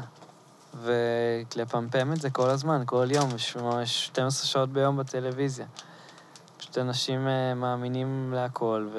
וזהו, ואתה מפחד, וזה ברור. אתה אישית לא מפחד? אה, לא, לא כל כך, לא, לא פחדתי עד עכשיו מה... לא. לא. כן. אתה מפחד? לא, בכלל לא. ממש לא אכפת לי. באמת, כאילו זה נשמע מוזר, אבל באמת זה לא... כאילו, אני לא... אני, אני מבין אנשים מבוגרים, אתה יודע, נגיד, הייתה לי פעם עובדת שאמרה לי, תשמע, אני גרה עם סבתא שלי, אני לא רוצה לבוא לעבודה כי אני יכולה... זה ברור שאני מבין, כאילו. כן. אבל um, סתם אנשים כאילו צעירים, בריאים, שמסתובבים ב... בעולם ומתים מפחד מהקורונה, אני לא מצליח להתחבר, בטח לא היום. כאילו, אתה יודע, אולי בהתחלה, שבאמת לא, לא ידעו מה זה והפחידו אותם, אבל אנחנו כבר יודעים מה זה, כאילו, אנחנו לא, אף פעם אנחנו לא נדע בדיוק מה זה אולי, אבל זה נראה לי מוזר שאנשים הם, עדיין כל כך מפחדים. פחד זה, זה חזק. זה סם חזק. זה בלגן של, אה, של תאריכים עכשיו, שזה מטורף, כאילו, כשאתה מנסה, אני מנסה עכשיו להרים עם כמה אנשים איזה מופע גדול באוקטובר, ואז אתה קולט את הרמות השונות של הבלגן שזה מעורר. זאת אומרת, אה, אנשים כבר לא יודעים להגיד לך אם הם יוכלו להשתתף או לא, בגלל שהם לא יודעים אם יצטרכו להיכנס לבידוד אחרי החזרה שלהם מחו"ל לפני זה, והכל בכאוס, כאילו. אז... אה, וכל מיני תאריכים, ואנשים דוחים הופעות כבר. כבר עכשיו הופעות של ספטמבר, אה, מישהו אמר לי בדרך שיתחילו לדחות אותם. כי כולם כבר באיזה תודעת סגר הולך לבוא, כאילו, השמיים מתקדרים, ענני מלחמה. איזה מוזר זה, אני לא העליתי על דעתי. גם אני שואל את עצמי, כאילו, כאילו, יהיה עוד וריאנט. כאילו, אתה יודע, זה, זה, זה, זה נראה כאילו שזה פשוט... אם, אם אנשים לא ישנו את הגישה שלהם לזה, אז זה לא ייגמר אף פעם. כאילו, הדבר היחידי שיכול להשתנות זה שהגישה של אנשים תשתנה, כי אם, אם הווריאנטים האלה ממשיכים להתפתח, אז כאילו יש דלתא ובסוף יהיה סיגמה, כאילו, זה, זה, לא, זה לא ייגמר אף פעם. לפחות לא- נלמד את האותיות הלטיניות, כאילו, ככה. כשגמרו האותיות הלטיניות. לא ידעתי שסיגמה... סיגמה זה אחרי- בגלל זה הלכתי איתה. אה. הלכתי ישר לאחרונה. אבל אני לא יודע משהו באמצע, סתם אה, דפקתי כאן. אה. גמא היה? אלפא, בטא, גמא. גם... א', ב', ג'. סתם, אין לי מושג. הם, אוקיי, בהתחלה קראו לזה לפי, ה... לפי המקומות שהם באו מהם. אה, אז היה את הווריאנט הבריטי, את הווריאנט ה... הודי. ההודי, זה ההודי. אה, הדלתא הוא ההודי. זה הודי. היה את הדרום אפריקאי. ואז הם החליטו שזה כאילו לא טוב מבחינת אה, מתחים בין עמים, ולא רצו, נגיד, שעכשיו, אם כל היום היא תקרא לזה הווריאנט ההודי, אז אנשים יאשימו את ההודים ויגידו, הכל בגלל ההודים, הבני זונות האלה. כמו שבהתחלה טראמפ קרא לזה הווירוס הסיני והתנגדו, אבל אז בווירוס הסיני כולם התנגדו לקרוא לזה הווירוס הסיני וקראו לזה קורונה, ואז בריטי, לא אכפת, כי הבריטים לא מפחדים מכלום, אבל התחילו לפחד שזה יהיה כל פעם איזה עניין, כאילו... אשכנזים, כן, מזרחים. בדיוק, אתה יודע, שזה יעורר איזה מתחים, מתחים עדתיים בין, ה, בין המדינות, אז, אה, אז בדלתא הם החליטו שהם לא משתמשים יותר במקום שממנו זה בא, אלא הם מתחילים לתת לזה אותיות. אז בעצם זה התחיל בדלתא, לא היה לנו בטא, ופשוט הם ספרו עד הווריאנט הזה שהוא הרביעי, והתחילו ממנו, מהדלתא. מה, נדב אמר לי מקודם של... שלמדת התססה? נדב, מה למדתי? התססה? אתה לוקח של... אחריות על זה? לא, הנושא של אה, חמוצים עלה. יש עכשיו, פה... כשעשינו הפסקה, ואז אמרתי שאני לא מבין בזה, אבל אתה מומחה גדול בהתססה. היו לי כמה ניסיונות של התססה, חבר'ה. מה זה מהתססה? זה מעניין אני לא- מאוד. אני נתקל בזה כל הזמן. יש גם בן אדם שאני אמור להביא לפודקאסט שקוראים לו מאיר. אורי מאיר ציזק, שהוא כן. מ- מלך ההתססה. כן, אני בעקיפין, וכולם אמרו לי שאני חייב לדבר איתו, אבל אני לא יודע מה זה התססה. האמת היא שהוא מעניין אתה מאוד. מכיר? כן, הייתי בסדרת הרצאות שלו על תזונה. וחברה טובה שלי, נועה לוי, היא לומדת אצלו. שומעים? נועה לוי, הבת של אושיק? לא. אה, כן, אני מכיר נועה לוי, הבת של אושיק. אוקיי, נועה לוי אה, אחרת. כן, אחרת. היא אוקיי. שפית והיא חברה שלי, והיא היא לומדת ממנו הרבה דברים, ועושה ומוכרת אה, מארזים וזה. פרסומת, איי, איי, איי, איי, איי, איי. ודברים מהממים, כאילו, גם עשיתי בבית כזה כל מיני גבינות מוצסות. אבל מה זה התססה? זה התססה, זה לקחת משהו, להשאיר אותו קצת בחוץ, וזה התחלה של קלקול, כאילו, בעצם. מהמם. זה אז כאילו אתה... לתת לה, ב- ב- בחיידקים שיש בפנים בדיוק. לעבוד, כאילו? חיידקים באים, מתחילים כאילו ל... ל- אז נגיד ככה עושים גבינה. ל- כן. ומה עוד עושים בהתססה כאילו גבינות? מוצסות, אפשר גבינה בלי. זה כל הפרוביוטיקה, זה, זה פשוט, אה, נגיד, קשיו, זה, אתה שם את זה קצת בחוץ איזה יום, מתחיל שם איזו פעילות אה, חיידקית, וזה נותן טעם אחר. כל הבעצם כבושים אה, חמוצים וזה, זה, זה גם עם חיידקים, וזה הכל תוסס. כל מה שאתה אוכל. חום חמוץ. כן. מהמם. אז מה אתה עושה? אני עשיתי קצת אה, אה, קמבוצ'ות. זה פט... אה, נו. זה פטריה כזה, זה מין משקה שיש פה פטריה... אלכוהולי?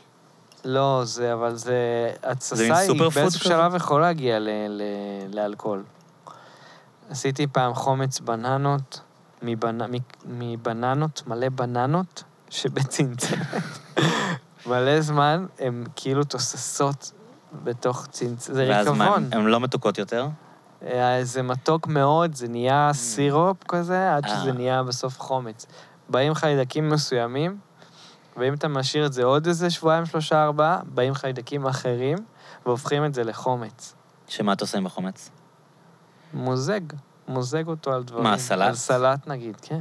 סלט עם חומץ בננות? כן, זה טעים? כן. טעים, יש טעם בננה כזה. וזה מתחבר אצלך לכאילו מין כזה תפיסה, למה זה מצחיק? מצחיק שאנחנו פה בהם, בבר, מתחת לאדמה, מדברים על, אה, על על על- תססות וחומץ ובננות. נראה לי הגיוני דווקא, לא יודע. יש מצב. אה, זה מתחבר אצלך, כי אני יודע שאצלו זה הרבה, כאילו, קשור לכל מיני דברים אקולוגיים ולתפיסות כאילו של אה, מזון מקומי, דברים שהם כאילו, יש בהם גם איזה מימד, אה, אתה יודע, של איך לחיות נכון כזה, או אפילו אידיאולוגיה, שזה לא סתם כאילו איזה מגניב אני מתסיס איזה גבינה, זה, זה מעסיק אותך באיזושהי רמה? כן, זה, זה האמת מדבר אליי, כאילו שזה זה, זה דברים בריאים, אבל מה, מהכי טבע שיש. כאילו המיקרוביוטיקה זה, זה, זה ממש טוב למעיים, לחיידקים, לעיכול.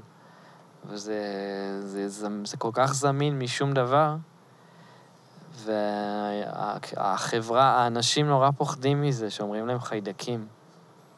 כי זה מקול- מתקשר עם קולקל. כן. אמרתי לאבא שלי פעם שאני אביא לו מנוע איזה משהו, חרדל. זה, הוא אמר, וואלה, לא, אמבה. הוא אוהב אמבה, אהב אמבה. עיראקי. כן. ואז כזה הדלקתי אותו על זה, ואז אה, אמרתי לו שזה מוצס, שזה, מה זה מוצס? חיידקים. לא, אל תביא לי. חיידקים, אל תביא לי. אז אה, לא יודע. זה מגניב שזה כן, אה, זה טוב, זה בריא. זה פשוט להשיג את זה. וגם מגניב אותי, יש, יש יצורים שעושים דברים, וחיידקים, והבטן שלנו מלאה בחיידקים שונים, שיש שם עולם שלם שאנחנו לא מכירים. זה מטורף, זה מסתורי, כאילו. זה מסתורי. כמה קילו, נראה לי, יש לנו כן. כמה קילו חיידקים בבטן, נכון. אני בקיבה. לא זוכר את המספר, אבל הרבה פעמים אומרים את זה, שאנחנו כאילו... איזה כמה קילו מאיתנו זה, זה, זה רק אה, אורגניזמים שחיים בתוך הגוף שלנו. כן. שיכול להיות שהם בכלל חייזרים, כן? זה המחשבה שיש לך? כן. טה-דה-דה-דה. אתה מאמין בחייזרים? בדוק, מה? כן. כן. אתה עוקב אחרי ה... עוקב אחריהם. באינסטגרם. ראית פעם? אה, לא. אני כל הזמן רוצה לראות ופוחד לראות. ממה אתה פוחד? פוחד? שיחטפו אותי. יש עכשיו מלא גילויים חדשים כאלה של נאסא, אתה ראית את הווידאוים? אני מת שאמרו שהם הולכים לצאת בהצהרות, כל פעם בונים לא לך רוצים ולא קורה כלום. נכון? מראים לך איזה סרטון שאתה לא מבין מה אתה רואה, ואומרים כאילו... לדעתי ראיתי את כל הסרטונים ביוטיוב שכ- שכתובים עם המילה עב"ם, או UFO. אבל את ה... את מה שהם קוראים המנטוס הזה, ראית? לא, מה זה? יש את הצילום הזה ממטוסים, של איזה אובייקט כזה שנראה כמו מנטוס, מעל האוקיינוס, שטס באופן שהם לא יכולים להסביר, שהם אמ, אה, טסים מעליו, ואז הוא דופק כל מיני מנוברים שאומרים שאין שום כלי תעופה, כאילו הם ראו את זה במקם, ואז הם אה, העלו מטוסים כדי אה, להבין מה זה הדבר הזה, והם עמדו מעליו, וזה נראה, בווידאו זה נראה כמו מנטוס, אז זה תפס כאילו השם, קוראים לזה המנטוס. לדעתי זה דופק כי- פרסומת למנטוס, בסוף זה יהיה. יש אגב ספר מיתולוגי ב... בעולם של הסאונד של אה, ג'ף אמריק, שהיה הטכנאי סאונד של הביטלס, שהוא כתב ספר אה, אוטוביוגרפי על החיים שלו בתור הטכנאי של הביטלס. והוא מתאר שיר-שיר, ומתישהו באמצע הוא אומר, ודרך אגב, בערך בתקופה הזאת, שהוא מגיע אליה שם, הייתה לי את החוויה הראשונה שלי עם הבאמים. הראשונה, כן, שלו, כן. מתוך כאילו... כן, כן. ואז הוא אומר, אני יודע שחלקכם, אה, אני אאבד אתכם עכשיו כשאני, כשאני כותב את זה, אבל אני בבירור ראיתי... אה, אותנו. בבירור, ראיתי אה, עב"ם. ואז אתה צריך, כאילו, הוא אתה ממשיך... צריך לקבל את זה, אתה כאילו. צריך לקבל את זה, ואז אתה ממשיך לקרוא על, ה, על השירים של הביטלס. זה פשוט אה, מונח דוחף שם. את זה out of context לחלוטין? כן, זה פשוט מונח שם, אבל הוא צריך... מתאר איך שזה השפיע עליו, איך זה השפיע על העבודה שלו, או משהו שסתם... כן, הוא אומר שזה שינה את התפיסה שלו לגבי העולם. אבל אתה יודע, זה די מדהים שאתה צריך, עד אותו רגע, הוא, כל התיאור שלו הוא סופר מדויק בפרוטרוט, ואתה מכיר את כל הדברים שהוא כאילו, יש מאוד טכני, כאילו. מאוד טכני, מאוד מאוד אה, ריאלי, ומאוד... ואז פתאום הבם הזה. אבל הוא מספר איך זה חלחל למוזיקה? או שזה... לא, זה- לא. לי שלחו, אה, אתם בטח מכירים את הקונספירציה הזאת שפול מקארטני מת, נכון? אבי, אתה לא מכיר? לא. די, נו. לא היית מה? בצופים? לא. זה- מה הקשר לצופים? כי בצופים תמיד יש את הפעולה הזאת, אני לא יודע אה. למה, אני לא יודע איך זה הגיע לצופים, אבל תמיד עושים את הפעולה הזו שפול מקארטני מת. היעדר... אבל אתה מכיר את זה ברור, זה קוטנר חתום על זה בארץ. אה, נכון, הוא עשה על זה איזה 100 תוכניות, לא? עשה על זה בעיקר תוכנית אחת אה, זוכת פרסים שהוא ערך מתישהו בשנות ה... אז תספר לאבי מה 80. מה הסיפור הזה. הייתה. תוכנית ברדיו הישראלי על זה שפול מקארטני מת, עם כל הרמזים של זה. מסתבר אה. שהביטלס כאילו, כביכול שתלו רמזים לזה שפול מקארטני כבר אין אותו, הוא נהרג בתאונת דרכים ב... לקראת, סוף שנות ה-60 והוחלף על ידי כפיל, והמאמינים של התיאוריה הזאת אה, אומרים שזה אה, מאמינים שעד היום, כאילו, מי שקורא לעצמו פול מקארטני זה מישהו אחר, ומי ששיחק עם זה זה לנון, שכתב שיר של... אה, The freaks was right when they said that you were dead. בדיוק. אפשר כן. לחבר את הקונספירציות ולהגיד שג'ון לנון לא מת, והוא התחפש לפול מקארטני. מישהו, חבר, רן. דרום, גיטריסט, אמר לי פעם משהו יפה על, אה, על אה, דיאטות, שזה אני אקשר את זה עוד שנייה. הוא אמר לי שאם אתה מחבר את כל הדיאטות ביחד, סוגים שונים של הצורות של איך לאכול, אז אתה מגיע פשוט לסתם לאכול רגיל. ואז נורא אהבתי את זה, כי בעצם זה נכון גם לגבי כל הקונספירציות. כאילו, אם אתה מחבר את כולם ביחד, אז יוצא לך פשוט העולם. לא, זה מעניין, אני לא העליתי את זה סתם, כי מישהו, חבר של... ישיב, שלח לי אמ, תמונה, מסתבר שיצא ספר עכשיו בישראל, של איזה 500 עמודים או משהו כזה, הכי עב כרס בעולם, של בן אדם שהחליט אה, להחיות את הקונספירציה הזאת.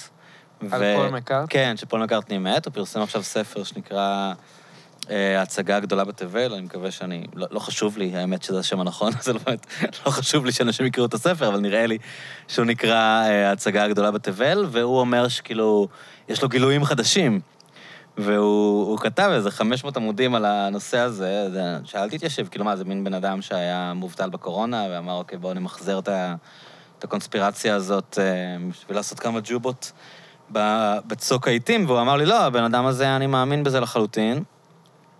ממש מאמין שכאילו שפול מקארטני מת ב-66 או 7. ו...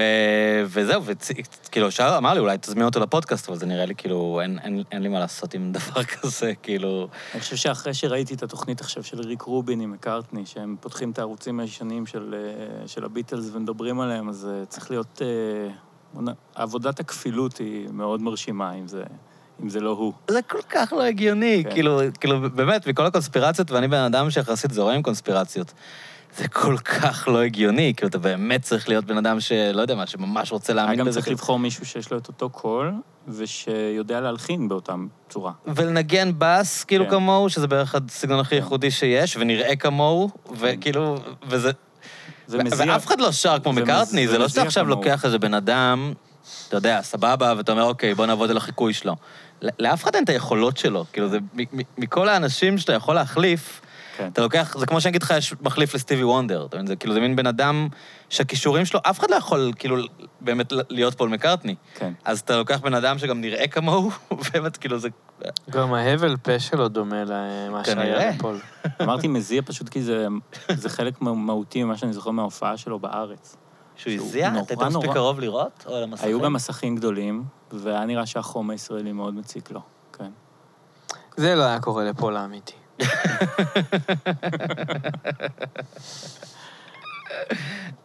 הוא מבוגר, תשמע, הוא בן אדם מבוגר, כאילו... אה, אני לא- מדהים, התוכנית הזאת עם ריק רובין היא... ראית אותה כבר? אני עוד לא הורדתי. אבל לא ראיתי עדיין. אני גם, יש לי במחשב אוצר של אה, שירים של הביטלס בערוצים, מאז שהם הודלפו לפני איזה 15 שנה, ואחר כך נעלמו קצת, אבל ישר הורדתי כזה את כולם, וחרשתי עליהם כל כך הרבה, שכשהם פותחים את הערוצים של כל מיני וואל, מי גיטרה אתה וכאלה, מכיר? אני כבר מכיר את זה נורא טוב, ועדיין זה מדהים לראות, וגם יש כמה תובנות כאלה שיוצאות משם, שישר שלחתי להמון אנשים, כי צילומי מסך, כי זה כל כך... אה, אני חושב שהוא אחד האנשים הכי מעוררי השראה שאני מכיר. יש לי כל מיני תמונות, תמונות באינסטגרם שאני נתקל בהן, כי האינסטגרם קלט שזה מדליק אותי, התמונות הישנות של מקארטני, כזה יושב עם בס על הפסנתר, כאילו, וכזה, ועובד על איזה שיר, ואני פשוט, אני רק רואה את זה ובא לי לעשות מוזיקה. אז אה, הוא, כמות החשיפה שהוא נותן, לוקח לעצמו בשנתיים האחרונות היא לא הגיונית, כאילו, הבן אדם... הוא חזק ב-PR. כמות הפודקאסטים שהוא התארח בהם, כאילו, כן. פעם זה היה דבר מאוד... הוא אה, היה אצל דורקן. דיבר על חרדות. כן. הוא היה איזה מצחיק כזה, פול מקארטני, האיש שהכי לא חושף שום דבר על עצמו, כן. יושב עם דור ו... ועדיין, נגיד, לראות אותו בקרפול קריוקי היה כזה מרגש מאוד. אתה יודע, עם כל הריחוק אבל נגיד אתם המקארטני. אנשים שבפנים, כאילו, שבתוך התעשייה, שעושים טלוויזיה, אתם רואים דבר כזה, אתם לא כאילו רואים את המניפולציה, את ה... את כאילו איך בכוח יעני מנסים ליצור את הרגעים המרגשים, זה עדיין כאילו... זה- אני לא יודע, היום נגיד יוטיוב הציע לי משום מה את אלוויס קוסטלו שר פני ליין בבית הלבן. לא יודע, סתם לשמוע את השיר הזה, פשוט, אתה יודע, אני כזה... יצא לי לעשות איזה פרויקט של מפעל הפיס ש... ששולח אומנים לבתי ספר פריפריה. ואז עשיתי שיעור על הביטלס לילדים כיתה ה', שחלקם לא הכירו כלום. ואני משמיע להם פני ליין ועובר איתם על המילים, ואתה קולט איזה, איזה כוח מטורף יש לזה. זה כאילו, אתה יודע, זה באמת נצחי, ובאמת... אה, יש וידאוים כאלה של... אה, ביוטיוב של משמיעים לילדים דברים, כאילו reaction כאלה. מהמם. ומשמיעים להם ביטלס והם נדפקים, וזה מטורף, כאילו, לחשוב, אני, אני כאילו, כשהייתי ילד, זה הפליא אותי שה, שהילדים עדיין אוהבים את הביטלס. כן. וכאילו, זה fucking דברים שהוקלטו לפני 50 שנה, 60 שנה, חלק כבר, לא, הם, לא 60, 50 שנה, כן. מה אנחנו, כן, כן. לא משנה. אני חושב שלדני רובס יש משפט כזה שהוא אומר בהופעה, הוא, הולך לעשות שיר של הביטלס, והוא אומר, אני יודע שאתם אוהבים את הביטלס כי אתם בני אדם. זה נכון. אתה צריך להיות ממש, משהו לא בסדר אצלך, כדי פשוט לא לאהוב בצורה גורפת יש משהו. ישראלי כזה? אה, אני חושב ש... אני תמיד חשבתי שכוורת. אני לא בטוח, אני מכיר אבל אז, שאוהבים זהו. אבל אז גיליתי שיש אנשים שממש לא אוהבים, אבל לדעתי זה... אריק איינשטיין אולי, כן. אם כבר. היית רוצה להיות חלק מהביטלס? זה קטע, כי כאילו ככל שאתה צולל לתוך, ה... לתוך הערוצים שלהם, לתוך, ה... נגיד, היכולות האמיתיות של כל אחד מהם, אז אתה מבין שנגיד בתחומים מסוימים, לא אני, זאת אומרת, זה יישמע יהיר כזה, אבל כל אחד הוא יותר טוב, נגיד, מהביטלס בדברים מסוימים. נגיד, בספר הזה של ג'ף אמריק, הוא מתאר כאילו כמה, כמה קשה אה, הריסון היה צריך לעבוד על, אה, על איזה סולו גיטרה, שבסוף האטו לו את זה ב... אני ראיתי, אני לא יודע אם זה הוא הטכנאי השני, יש, לו, יש טכנאי שאחרי זה היה מפיק של בואי? זה לא הוא, נכון?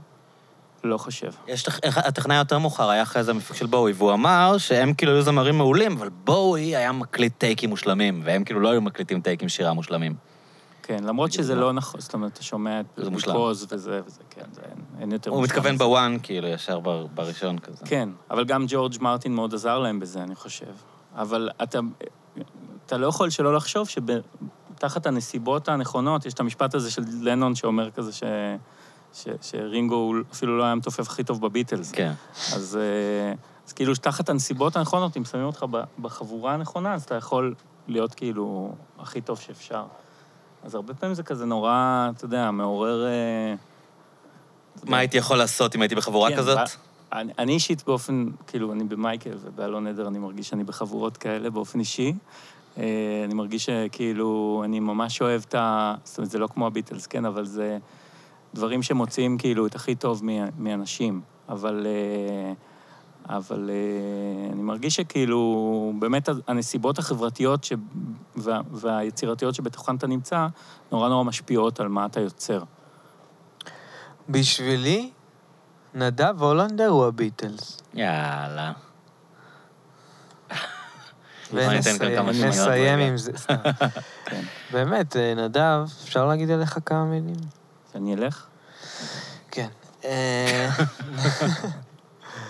משהו שאמרת קודם על... אה, על מי אמרת? השווית משהו, השווית אותו למישהו. דויד בואי? לא, מישהו, שכחתי. את נדב? כן. יש בו משהו שהוא כזה קלאסיקה של...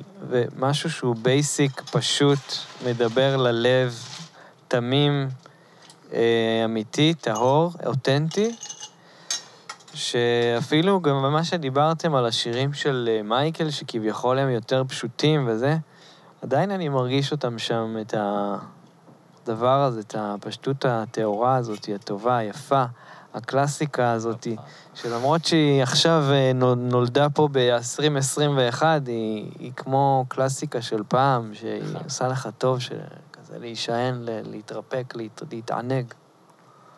אז אני רק אענה על זה, שלא לא נהפוך את זה עכשיו לפודקאסט אה, דביק, אבל כאילו ש, שאני זוכר בתקופה ההיא ש, שראינו אנדי קאופמן, חשבתי לעצמי, סבבה, אנדי קאופמן והכול, אני מעריץ אותו, אבל איזה באסה לעולם שהוא, שהעולם כולו לא ראה את אבי דנגור. אה, עכשיו תכבד, תכבד את. ההקלטה. עכשיו תכבד כי את זה לא ההקלטה. פחות טוב. מבחינת אה. עבודה עם קולקטיב, אבי, כאילו, איך זה בשבילך, העניין הזה של כאילו, לא יודע, מה, כאילו אנסמבל לעומת ליצור לבד, העניין הזה באמת שאתם, כאילו, שמה שנדב דיבר עליו, של מייקל, זה כאילו להיות עם החבורה הזאת, כי זה בעצם פרויקט שאתה התחלת, כאילו, את- לא יודע בדיוק מה מה הג'נסיס של זה, אבל הוא כאילו התחיל ממך, הוא שלך. במקור. אמ, אני כזה אספתי וכזה אמרתי, בוא נעשה, ואז כולם עשו, כזה ביחד. אמ, ולא, לא, אין לי ממש, אה, נראה לי שלא ממש עשיתי דברים לבד.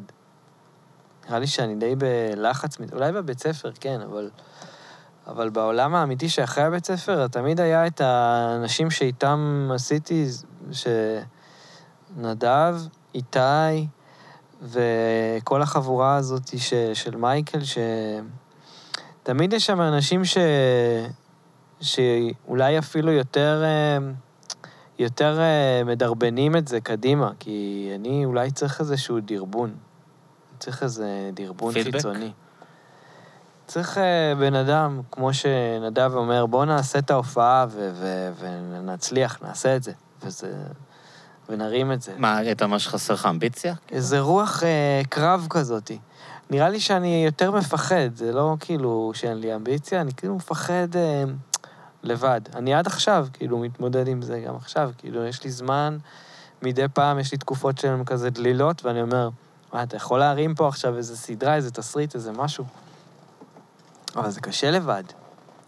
כאילו, אני צריך את הדינמיקה, אני צריך את האלתורים, צריך שמשהו ייבנה מ- מלמטה, מה... אז אם אם אתה תיצור עוד משהו, אז כאילו זה כרוך מבחינתך בלהקים קבוצה? בלהקים צוות, כאילו, כדי לעשות אותו?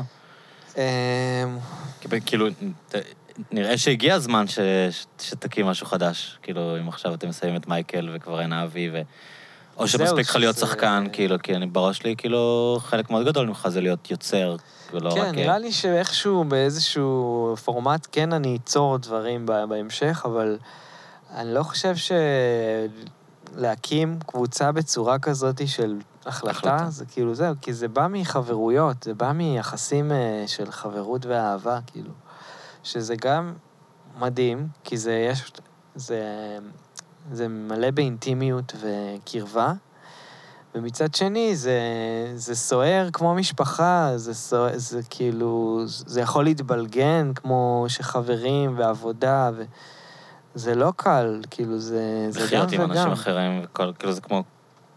כמו כל קבוצה של אנשים, מישהו אחד מעצבן אותך ומישהו אחד... אה, בייחוד מדי כשזה. חברים טובים, אז... אה, אז אז כל דבר הוא אישי. כל דבר מאוד אישי, כן. כן, ואנחנו גם אנשים אה, אולי רגישים, ו, וכאילו... כאילו, העבודה המשותפת, אני רואה את זה בכל מיני דברים, זה עוד סוג של אומנות שצריך להתמקצע בה. ולוקח זמן. לוקח זמן, ולוקחות טעויות, וכל מיני דברים עד שאתה מדייק את עצמך בעבודה המשותפת שלך לכדי אה, לעשות את מה שטוב לך ולכולם, אה, ולא להתעכב על שטויות. ואתה חווה את זה גם בלהקה, כאילו, עם אלון נדר? איכשהו עם אלון זה איזו קונסטלציה שהיא כבר איזה עשר שנים מאוד מאוד יצירתית. אמ, אז, אז שם נגיד, אה, זה גם, זה גם, אני חושב, מבחינת אה, זמן שלנו, שאנחנו מבלים ביחד, זה תמיד, למעט תקופות של הקלטה, זה קצת פחות אינטנסיבי ממייקל, שבאמת באנסמבל שלנו היה משהו מאוד, ועדיין יש, משהו מאוד מאוד משפחתי. זה ממש כמו עוד משפחה שלנו. אז גם אלון, נגיד, זה, זה עוד משפחה, אבל משפחה שאתה רואה, אתה יכול, נגיד, לראות, אתה יודע, כשיש הופעה או חזרות או הקלטות, אבל, אה, אבל זה פחות מבלגן. ובתוך הקבוצה של מייקל היה כבר את כל סוגי היחסים האפשריים.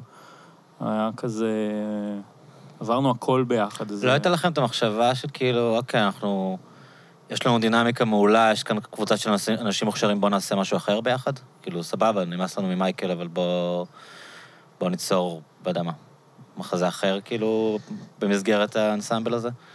כן, זה, זה משפט שנזרק לאוויר הרבה פעמים, אבל לא, לא התממש אף פעם. עדיין באוויר. לא- ניתן לו לעמוד קצת באוויר אולי. אם. תסתכלו שם מהחלון טוב טוב מהבית למעלה בשמיים, תוכלו לראות את המשפט הזה עדיין באוויר. כן, כמו הצעת הנישואין של... אה, אה, מי זאת הייתה? אתה יודע? אתה זוכר את הזאתי שעשו לה הצעת נישואין במטוס, נכון? מישהי מפורסמת? כן, כן, כן. מה, עם מטוס כזה בחוף? כן, כן, שעובר, כן. אתה אה, זוכר את הסיפור הזה? לא. מתאים לך להכיר את זה. אה, שלומית אהרון, יכול להיות? באמת? אני... מה, בשנות ה-80 כאילו? תגיד משהו, אני גם מגגל את זה רגע. בשנות ה-80? אתה חזק והכל עובר חביבי, אבי? לא. מה, אבל אה, ראיתי היום את שלמה גרוניך אוכל סנדוויץ' בתוך האוטו ברחוב הרצל. ואיך זה היה? אה, יפה. כאילו, זה היה יפה. יש בו משהו שמלחיץ אותי, שלמה גרוניך הוא איש שמלחיץ אותי קצת. הוא אני עושה כאן שלומית. אהרון הצעת נישואים בגוגל, ואני לא יודע מה עכשיו, איך אני הולך להיות מתורגת בפייסבוק מעכשיו והלאה. עד המוות. רציתי להגיד עוד משהו על החייזר. כן. חייזרים זה שאני... אין לך קליטה בבר. אה, נכון. אני יכול לתת לך אחרי את הווי-פיי. המקום? הזה פה, שאנחנו... זה, פה שמעתי את המילה הצגה כסלנג בפעם הראשונה. אמ, שמישהו... כשהופעתם עם אבי הזמר, לא, אבל... מישהו סתם באנו, ואיזה מישהו החזיק איזה קוקטייל ואמר, זה קוקטייל הצגה, והיה רעש ומלא מוזיקה, כאילו זה, ואמרתי לו, מה? וחשבתי שהוא מדבר איתי על הצגה שלי. הוא אמר, קוקטייל הצגה, ולא הבנתי מה הכוונה, וזהו. ולימים, כולם התחילו להגיד הצגה. אני נורא לא אוהב את הסלנג מפחיד על משהו טוב. בואנה, זה קוקטייל מפחיד. אני לא אוהב כי זה תמיד מפחיד אותי. אני תמיד חושב, מה מה מפחיד בזה? למה? תכף זה יהיה לא מגעיל, זה. מגעיל זה יהיה הסלנג הטוב. זה הדבר הבא. זה קוקטייל מגעיל. חייב לשתות. לא, כבר יש מפגר, מטומטם, כן. זה כאילו... זה נראה כמו אבולוציה טבעית שזה יגיע למגעיל. שמעתי על זה. הרצאה פעם, זה מאוד מעניין. על למה מילים רעות. המילים בעצם, הרצאה מפחידה, הרצאה. הרצאה מפחידה, הרצאה מפגרת? הרצאה מגעילה. המילים בעצם מאבדות אה, משמעות. Mm. יש כמו ניוון של מילה מרוב שאתה אומר אותה, ואז צריך למצוא מילה יותר חזקה. אז יש אה, אבולוציה כזאת שכל השפה עוברת אה, לכיוון של הקצנה. אני לא יודע מה הסוף של זה, לאן זה הולך. בסוף פשוט כולם ירביצו אחד לשני. אתה לא מבין איזה קוקטייל זה בוף. יש מצב. כן, אני זוכר שפעם אה, הייתי, כשהייתי בתיכון, אז אה, יהודה עמיחי בא לבית ספר שלנו. כולם צעקו, יהודה, יהודה, יהודה. זה לא בדיוק התגובה שהוא קיבל, זה היה משהו קצת, קצת שונה, רוב האנשים היו כזה שיט, צריך לשבת עכשיו באודיטוריום ולשמוע את הזקן הזה מדבר. אבל אה, אני די התרגשתי, כאילו, ש... עד היום הם מתפארים בזה שהם היו בהרצאה שלו. לא נראה לי שהם לא? זוכרים, נראה לי רק אני מספר את. הסיפור הזה. אה, אבל הוא דיבר על זה שכאילו, גם שמילים מאבדות המשמעות, וכאילו שהמילה, זה, זה נראה- נשמע לי, היום, אז זה היה נשמע לי מרשים, היום בתור בן אדם מבוגר זה נשמע לי מאוד טריוויאלי, כאילו. אבל- שיממתי אותך. מה, הוא? לא, יהודה, לא, הוא, הוא אמר, אמ, הוא אמר, אה, אתה אומר אני אוהב מישהי, אבל אתה גם אומר אני אוהב ספגטי. אז מה המשמעות של המילה אוהב? ואז אתה מתחיל להגיד, אני אוהב מאוד מאוד אותך. כי זה לא כמו שאתה אוהב ספגטי, אבל גם אתה יכול להגיד, אני אוהב מאוד מאוד ספגטי. הוא דיבר על הדבר הזה, ואז הוא דיבר על זה שכאילו, שירה זה מקום שעדיין אפשר להגיד, אני אוהב אותך, ויש לזה כוח לעומת, אה, אני לא יודע, אולי גם בתיאטרון זה ככה, לא יודע, כאילו, שמבין איזה מקום שבו למילים עדיין יש איזושהי משמעות, כאילו, לעומת ב- בשפה היומיומית. פזמונאות פחות. זאת אומרת, כשאתה מקשיב לפזמונים, אז יש כבר זילות אה, מאוד קיצונית של השפה. שכבר... אה, אני לא חושב שהדבר שעובר לך בראש כשאתה שומע גלגלצ, זה הבן אדם באמת התכוון לזה. נכון. כן. כן, זה, זה אביתר בנאי או מישהו שאתה מצפה ממנו ל-100 אחוז. אבל זה נורא קשור להגשה גם, לא? כן. אתה, איזה דברים הקשבת, נגיד, כשהיית ילד מבחינת מוזיקה ישראלית? כאילו, נגיד שאתה... גל. גל, גל, גלצ. פשוט מה שהיה ברדיו? כן. אף פעם לא היית בן אדם שמתעניין במוזיקה יותר מדי? לא, אבל לא. ההיכרות שלך היא מדהימה, זאת אומרת, יש לך המון... אה, אה, לא, לא כשהתבגרתי יותר, אז אה, כאילו אהבתי מאוד ערן צור, כן. כל ה... קורין אלאל, נקמת הטרקטור, הייתי חורש על זה, דיפש מוד. אה, הרבה ישראלי נראה לי יותר, ועצובים, תמיד שירים עצובים כזה, ש... עד עכשיו, אם אני כזה שם מוזיקה, אני שם דברים שכאילו יכולים אה, לשחרר עצב כזה. שמתי לא מזמן, הייתי בגורדון בבריכה, ושמתי ביוטיוב כל מיני שירים, שירי בכי אתה שומע מוזיקה כשאתה שוחה? אה, לא, בחוץ. כי יש היום, נכון? יש. כזה טכנולוגיה שאתה יכול לשחות עם מוזיקה. אה, פגשתי, בבריכה אני תמיד פוגש את אלי דנקר, כן. והוא... אלי דנקר אמרו לי שהוא פסנתרן מדהים. אה, כן. נכון. נכון? כאילו, לא יודע, מדהים, אבל שהוא מנגן יפה על פסנתר. כן, כן, יש לו את הדברים שלו כזה, הוא מנגן מיסטי נורא יפה, כל מיני סטנדרטים של ג'אז כזה. והוא גם אה, נראה ממש טוב. Hmm? הוא עדיין? הוא בן 70, נראה מדהים. לא ראיתי אותו מאז, מה הייתה הטלנובלה שהוא שיחק? הוא היה בח- לחיי אהבה? אני לא ראיתי זוכר. אותו שנים בטלוויזיה, אבל תמיד היה חתיך כזה. כן, והוא כאילו, עדיין... גבר מאוד גברי. מלא שיער, לבן זה, וגם בגוף וזה, והוא שוחה. והוא בא עם אוזניות שנכנסים איתם למים, והוא, כך, והוא שם טקסטים שהוא צריך ללמוד. הוא בת- בתיאטרון עדיין? אה, כן. Hmm. וכל השחייה הוא פשוט שומע טקסטים, והוא יוצא מהמים, כאילו הוא למד את הטקסטים, הטקסטים בראש. יפה, תודה. סיפור על אלי דנקר. כן. אתה יודע, שיחה... אתה לא לא עושה לך חשק לעשות את זה התססה גם? ואלי דנקר. אה, אז אה, שמתי שירים עצובים והתחלתי לבכות בבריכה. באמת? כן. מה, ישבת על הדשא והתחלת לבכות? זה מיטות שיזוף שם בגורדון. גדול. אתה זוכר איזה שירים? אתה זוכר איזה שיזוף? כאילו, שירים ישראלים של עכשיו, כן?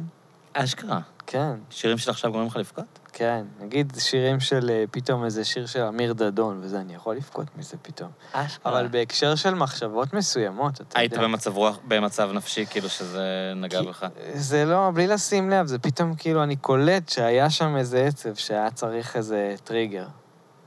אתה מבין? זה דברים שאתה חושב עליהם כשאתה יוצר מוזיקה, כאילו? על, אה, על, על ריאקשן של... אה, לא. מה- מה השיר הזה יגרום ל... לא, נראה לי שהרעיון הוא לנסות להיות כמה שיותר נאמן למשהו שאתה מרגיש. ואני חושב שאם אמיר דדון הצליח, אז כנראה שהוא פשוט היה מאוד נאמן למשהו שהוא הרגיש. נראה לי שזו האינדיקציה, מבחינתי לפחות, היחידה. אני עכשיו עמוק בפול סיימון, נגיד, כן. אז אתה יודע, זה...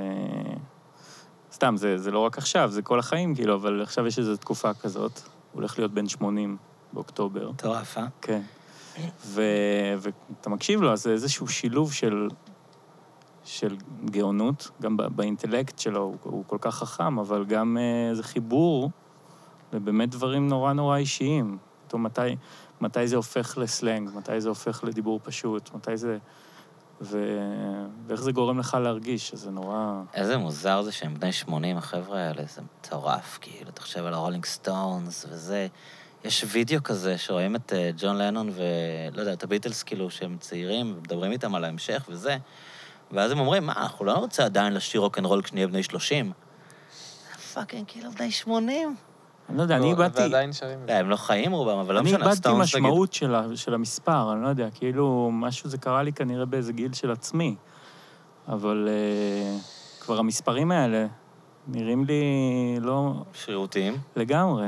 זאת אומרת, uh, אם מישהו בן 70 או 80 או, או 24, אני לא יודע, זה נראה לי איזה רצף ר- רנדומלי כמעט. אבל אתה, אתה לא חושב שיש דברים דוריים, כאילו? שיש דברים שהם...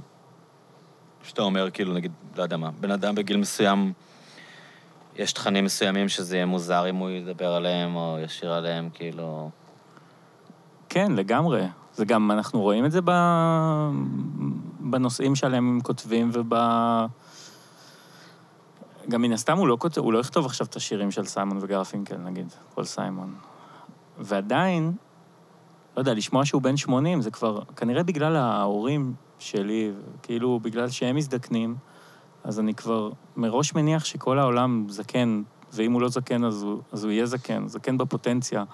כאילו זקנה זה נראה לי כמו דבר שפשוט, אה, מה שהיו אומרים פעם על רס"ר בצבא, שאתה קושר חמור לעץ והוא נהיה רס"ר, ואז זה אותו דבר, כאילו זקנה, זאת אומרת. לא לא ניסיתי את זה, וואו. אני ניסיתי, זה לא עבד. אבל זה כאילו, זה פשוט אתה מחכה, וזה מה שקורה. זה כזה, ירד לי הערך של, ה... של המספר. זה נראה לי כמו, בסדר, שאלה של אבל זה זמן. גם, זה גם אחרת היום, לא? פעם אנשים זקנים היו הרבה יותר זקנים, נראה לי. כאילו, או שסתם הייתי ילד והם נראו לי ככה, אבל אני חושב על סבא וסבתא שלי, כשהם היו בני... אה, נגיד, כשהייתי ילד והם היו בגילאי ה-70 שלהם, אני חושב שהם לא היו כמו ההורים שלי. כאילו, נראה לי שמשהו... משהו בעולם משתנה, כאילו, מבחינת... אה, נגיד, תחשבו, רבין נגיד, הוא היה בן 73 כשהוא נרצח. אה, באמת? הוא היה איש זקן, כאילו. כן. אבל היום אה, ביבי עוד מעט בן 73, וברק בן 77, הם לא נראים כמו שרבין היה נראה אז. או אולי שזה סתם בראש שלי, אני לא יודע.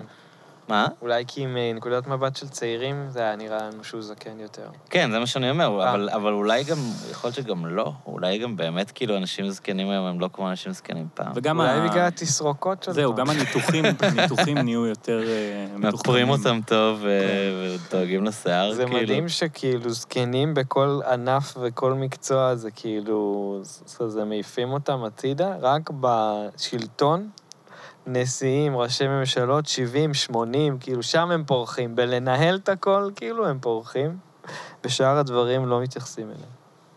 כן. כן, זה מוזר. למרות שעכשיו יש לנו מנהיגים צעירים אה, אחרי הרבה זמן, אחרי הרבה שנים. או, אה, מה קרה? אז אתה זה, אתה לפידיסט? אתה לא, ביאיר? לא חושב, לא. אתה מתעניין בכלל? מה זה? אתה מתעניין? אני מתעניין מאוד, כן. רציתי כבר שזה יקרה, ש... שניפרד מ... מהאדון נתניהו, ושמחתי. והייתי בבלפור. הרבה? לא, פעמיים שלוש. שם תביא, גם אני הייתי פעמיים. ולא יודע, כולי תקווה ש... שיהיה יותר טוב, לא יודע. לא יודע. כאילו, נראה לי משהו כבר אה, הרגיש יותר אה, רגוע, כאילו, בזה שזה... בחודש הזה. יש איזה טונים אחרים כזה. נראה לי פשוט... אה, לא, לא יודע. נראה לי שהיה צריך אה, שם איזו תחלופה זריזה, בהולה.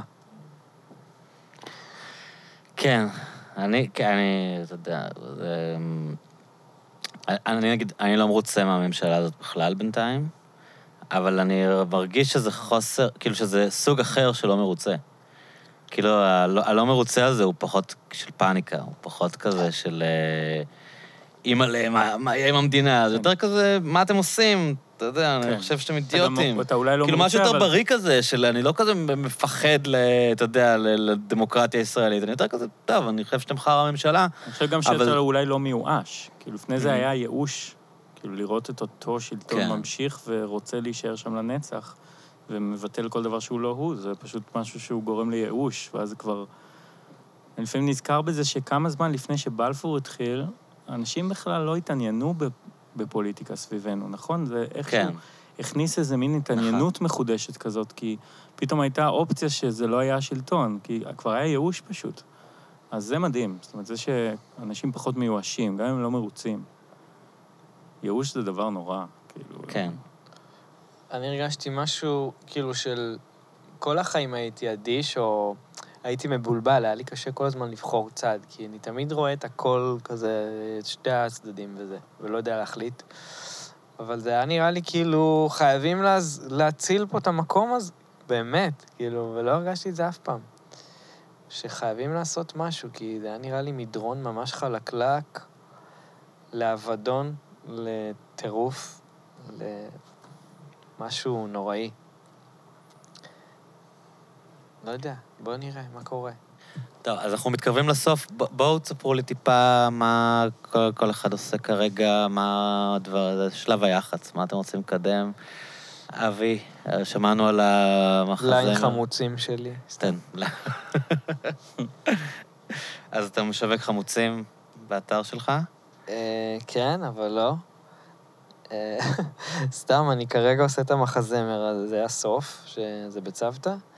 אה, יש לנו מה יקרה לעוד אה, שלוש הצגות. שלוש הצגות אחרונות בהחלט. אחרונות שאין, אי אפשר כבר להשחיל אבל הם כבר סולד אאוט? בן כן. אדם. יכול להיות שעד שזה משודר כבר שתיים מהם עברו, דרך אגב. אה, אוקיי. אה, זה ממש עכשיו. כן, עוד ביום. ראשון, שני. מתרגשים? בטח נורא מוזר, לא? זה מוזר, כן, זה מרגש באמת, כן. זה exciting. גם הקהל קצת אה, בא נרגש. כן, יש שם, קורה שם איזה עניין. וואו. אה, זהו, יש לי צילומים, אני מצטלם לאיזה סדרה עכשיו אה, של, ח- של החינוכית כזה, לבד בבית, זה נקרא. שמה קורה שם? אני השכן הנודניק שמפריע ל, לילדים שגרים מתחת, שההורים שלהם לא בבית. זו עונה שנייה כבר, זה, זה היה. זה סתם מגניב, כיף. ואתה באינסטגרם, אתה באיזה רשתות אתה? אני. באינסטגרם, נשמה, אני באינסטגרם. אתה פעיל? אני שומע אתה- שאנשים עוזבים את האינסטגרם והם באמת? בטיקטוק. אה, בגלל הטיקטוק. וואו, ואנשים מבוגרים, לא תגיד עכשיו ילדים. אני נורא מביך אותי לראות אנשים מבוגרים בטיקטוק. לא, אה, כאילו, אבל זה נהיה הסם שלהם, הם לא מעלים, אבל הם כל הזמן אה, שם. אני, אתם ראיתם את ה- את אורנה, בר- איך אומרים את השם שלה? ברביבאי? ברביבאי. ראית אותה בט- בטיקטוק, את הסרטון הזה שלה? זורקת אה, אה, את גלידת בן? אנד ג'ריס לפח? כן, היא קצת אוי, הביכה.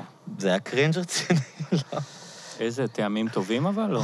לא יודע, כאילו היא? כזה חזרה... אתה אתה רואה פתאום בן אדם מבוגר, כאילו, בן אדם מבוגר, מעלה סרטון. אני מחרימה את Chunky. אני מן. אוהב, ועכשיו פותחת את הפריזר, כאילו היה לה בן אנד ג'ריס, אתה יודע, זה נראה הכי מבוים בעולם. כן. גם אני- רואים אותה חוזרת הביתה, פותחת את הדלת, נכנסת לבית. כן, מי הביתה. צילם אותך? כאילו, הכל כאילו נראה הכי לא כמו שטיקטוק אמור להיראות. אני לא יודע, אני חושב שאולי צריך לשים איזה, דיברנו על גילאים, אולי צריך לשים איזה מגבלת גיל על מי יכול לעלות סרטונים לטיקטוק, אני מרגיש כן, כמו שיש מינימום מהירות ב- בכביש מהיר. כן. כן. יש ינשוף של טיקטוק שעוצרים אותך. אני אוהב לעשות סטורים, כאילו זה קצ- קצת כזה, אני מרגיש שם יצירתי, לתעל את היצירת- היצירתיות כזה ל- ל- לסטורי יומיומי כזה. לפעמים מציינים את הרחוב, אנשים, דברים מצחיקים שקורים. אבל אתה אה, ממש ס- סטייל סרטונים, כאילו, שאתה עושה דמויות ומשעשע, או שאתה אה, סתם דברים, אימפרשנס? יותר, מהיום-יום. יותר דוקו כזה. יש איזה רגעים כאלה שפתאום נחה לך הרוח ואתה כן. שם איזה פאה. כן, זה קרה. לי, זה, זה בקורונה, איזה סשן של הרבה, כאילו היה מלא כזה, שעשיתי מלא דמויות וזה עם פאות ושטויות. וזה היה כזה המלא. אבל אה, עכשיו... אה, אבל יש לך איזה דמות שאתה שקורה. חושב שיכולה להתפתח למשהו כמו דובי או כמו אבי, כאילו, זמר, שאתה אומר, זה... יש איזו דמות שאתה מרגיש שכאילו, יש לה איזה פוטנציאל להפוך להיות אה, הפרויקט הבא שלך? אה, וואו, וואו. לא, לא יודע. יש שם מלא, אני צריך אה, לעבור על זה ולמיין אותם. אני אמיין אותם, ואז אולי אני אמצא משהו. טוב. יש אז- לנו כזה ב... ב- במשפחת מייקל כבר היכרות מעמיקה עם כמה דמויות כאלה של אבי. יש לכם קבוצת וואטסאפ של ה... לא, אבל כזה, כבר יש כמה דמויות שיש להם שם וחיים עצמאיים כבר, של כל הסיוון וכל הדברים האלה של מלפני כבר אה, 15 שנה, שנראה לי שמבחינת הפוטנציאל, אין לי ספק בכלל, זה כאילו דמויות מדהימות, אבל באמת צריך פשוט אה, לעשות את זה, וזה החלק המאתגר. תודה רבה לך. אבל אני, אני בעד, אני בעד. אה, אני, אני מאוד אה, אשמח אם תעשו עוד פרויקט כזה, נראה לי בזבוז שלו. כאילו, אני רואה את ה... ראיתי עכשיו את כל העונה השנייה, זה כזה תענוג. אה, הסדרה יכול להיות שתמשיך, כאילו? או שקוברים את הפרויקט סופית? אה, לא יודע, לא, לא ידוע. לא, לא, דוב, לא דובר. יש משהו לדעתי בחבורה הזאת, בדינמיקה הזאת, ש... עוד פעם, אני גם לא נכנס לכם, יכול להיות שגם נמאס לכם אחד מהשני, אתם לא יכולים לראות אחד את השני יותר, אבל נראה לי שכאילו יש איזה משהו שאני בתור צופה הייתי נורא נהנה לראות אתכם ביחד עושים דמויות אחרות, עושים אה, משהו חדש, כאילו, זה נראה לי יכול להיות כל כך כיף, ובמיוחד בגלל האלמנט הזה של האלתור, שכאילו, שזה הכל פידבקים וריאקשנים אחד לשני, ו... כשאתה רואה את זה, אתה מרגיש כאילו שיש איזו הבנה, שאתם מבינים אחד את השני, כאילו, ו... נטו מהפוינט אוף ויו של הצרכן, זה היה לי, יכול להיות לי מאוד נחמד, אם, או הייתי מאוד נהנה אם הייתם עושים עוד דברים. אז זה רק אני, יופי. חשוב להגיד. תודה, הלוואי. ונדב, אז יש אה, מגש הקצב, עכשיו אמרתי נכון? לגמרי. כן. זה קורה, יש את האלבום בכל הפלטפורמות האפשריות, ויש הופעות מדי פעם. אמ, שרגע, אתה תגיד רגע מה זה? זה, זה פרויקט ש... שיצרתי אמ, בעצם בשביל... במקור זה היה עלה בפסטיבל הפסנתר לפני איזה שנה וחצי, או כמעט שנתיים. זה שירים של אלתרמן, ש... ליל... לילדים, שזה כאילו תחום לא מאוד מוכר ביצירה של אלתרמן. אני הלחנתי אותם והפקתי והקלטתי כזה אלבום מזה. משתתפים שם ענת מושקובסקי, יובל מנדלסון, ו... אז זה מעניין ששמעתי את זה עכשיו, דיברתי איתך, אז מעבר להתרשמות המוזיק... באמת מאוד התרשמתי מוזיקלית, וענת היא בעיניי אולי הזמרת הכי טובה בארץ, כאילו, אני אירחתי אותה כאן. בפודקאסט, פשוט לא יאמן איך היא שרה, ויובל כזה מלך, כאילו, כן. ומגיש מדהים, גם הוא היה בפודקאסט, אה, שלושתכם הייתם בפודקאסט, כן. מעניין. אמ, אה, מה ששמתי לב אליו זה שהטקסטים הרבה יותר עומדים במבחן הזמן ממה שהיית מצפה. כאילו, אני... כן, היית חלק מצפה גדול שאלתרמן מה- זה יהיה ארכאי לחלוטין, כאילו. יש שם שירים שילדים היום יכולים ל- ממש להבין וליהנות, כאילו. כן, אני חושב שזה קצת, מה שאני רואה, זה, זה קצת קורה. אני מקבל פידבקים וזה, אז אני מרגיש שבאמת אה, זה קורה, פשוט כי הפרויקט התחיל בעצם בלנבור בהמון כתבים של אלתרמן ולבחור דברים. ש... שרדו. שעושה רושם שכן, שיכולים להיות מובנים גם היום, מספיק פשוטים, ועם זאת טובים. חלקם לא נכתבו בכוונה לילדים, דרך אגב, חלק פזמונים, חלק אה, כל מיני דברים כאלה, וה- והרעיון הוא, כן, טיפה להעשיר את, ה, את העולם הזה של מוזיקה לילדים. אה, וזהו, חוץ מזה, יש כזה, סביב הקורונה התחלתי להפיק די הרבה דברים של אנשים אחרים. אה, ו, ויש עם אלון ולהקה, יש אלבום חדש בדרך, שאני מאוד אוהב אותו. הוא אלבום מאוד מאוד להקתי ומאוד... אה, אנחנו מאוד, אה, מאוד שמחים בהתקדמות שלו. ו... וזהו, לי יש איזה שלושה אלבומים שאני מחכה כבר לה- להגיע אליהם, וח- ברמות שונות של... אה, של מה, שהקלטת כבר? חלק זה שירים שהקלטתי, חלק מהערוצים, חלק זה דברים שרק כתבתי, חלק... זה, זה כמה דברים, זה באמת שלושה פרויקטים שונים, אבל אני כזה ממש מנסה בין כל הדברים, כזה להספיק גם אותם, ומאוד מקווה שבקרוב אני אצליח אה, להשקיע בזה יותר. כיף. טוב, אז אני אני אעקוב אחרי הכל. אה, היה לי ממש כיף איתכם, ושהיה לכם נחמד. כן, היה כיף. אה, אז הייתי אומר לכם ללכת לראות את ההצגה, אבל אתם לעולם לא תראו אותה אם לא ראיתם, אז אתם תצטרכו. אי אפשר לדעת. יהיה איזה תיעוד של זה? חשבתם, אגב, לעשות איזה, לא יודע מה, איזה סרט של ההצגה עצמה, או איזה פרק, ספ- כאילו, שמשהו יישאר ל- להראות לילדים חשבנו על זה, שלכם? אבל לא ידענו אם זה יעשה טוב לפורמט הזה. אתה יודע, כשאתה רואה הצגות ישנות, אז זה לא, לא תמיד זה עושה חסד לתחושה של איך זה להיות בהצגה עצמה, אני חושב. אבל נגיד לצלם פרק אחד שהוא יהיה הטקס, כאילו, עם ה- עם התסריט עלו כל דומה? מיני רעיונות כאלה. כרגע אנחנו יותר מתמקדים באיך... אה, כי באמת יש לנו תחושה כאילו שיש מלא אנשים שהיו רוצים לראות את זה, אז איך כזה כן בכל זאת לספק את הרצון הזה ועדיין לפרוש. אז אנחנו חושבים על כל מיני רעיונות יצירתיים כאלה ואחרים. נראה לי שצריך, כאילו, אפשר לעשות... ואני מת אה, על הפודקאסט שלך, דרך אגב. תודה אני רוצה רבה. להגיד, זה הפודקאסט הכי רחב אופקים שהיה אפשר לצפות מבר בתל אביב, אז כל הכבוד לך. איזה כיף. אה, מלא תודה, בהצלחה בהופעות האחרונות. תראו את הסדרה, אגב, אם אתם לא אה, יכולים לראות את ההופעה, את ההצגה, יש לומר, תראו את הסדרה, יש את זה ב-SVOD? נראה לי שכן. נכון? צריך להיות זה ב-SVOD, לא? נראה לי שכן. תעשו את המאמץ ותראו אותה, זה עונג צרוף. תודה. בהצלחה עם הכל, ביי ביי. תודה. תודה.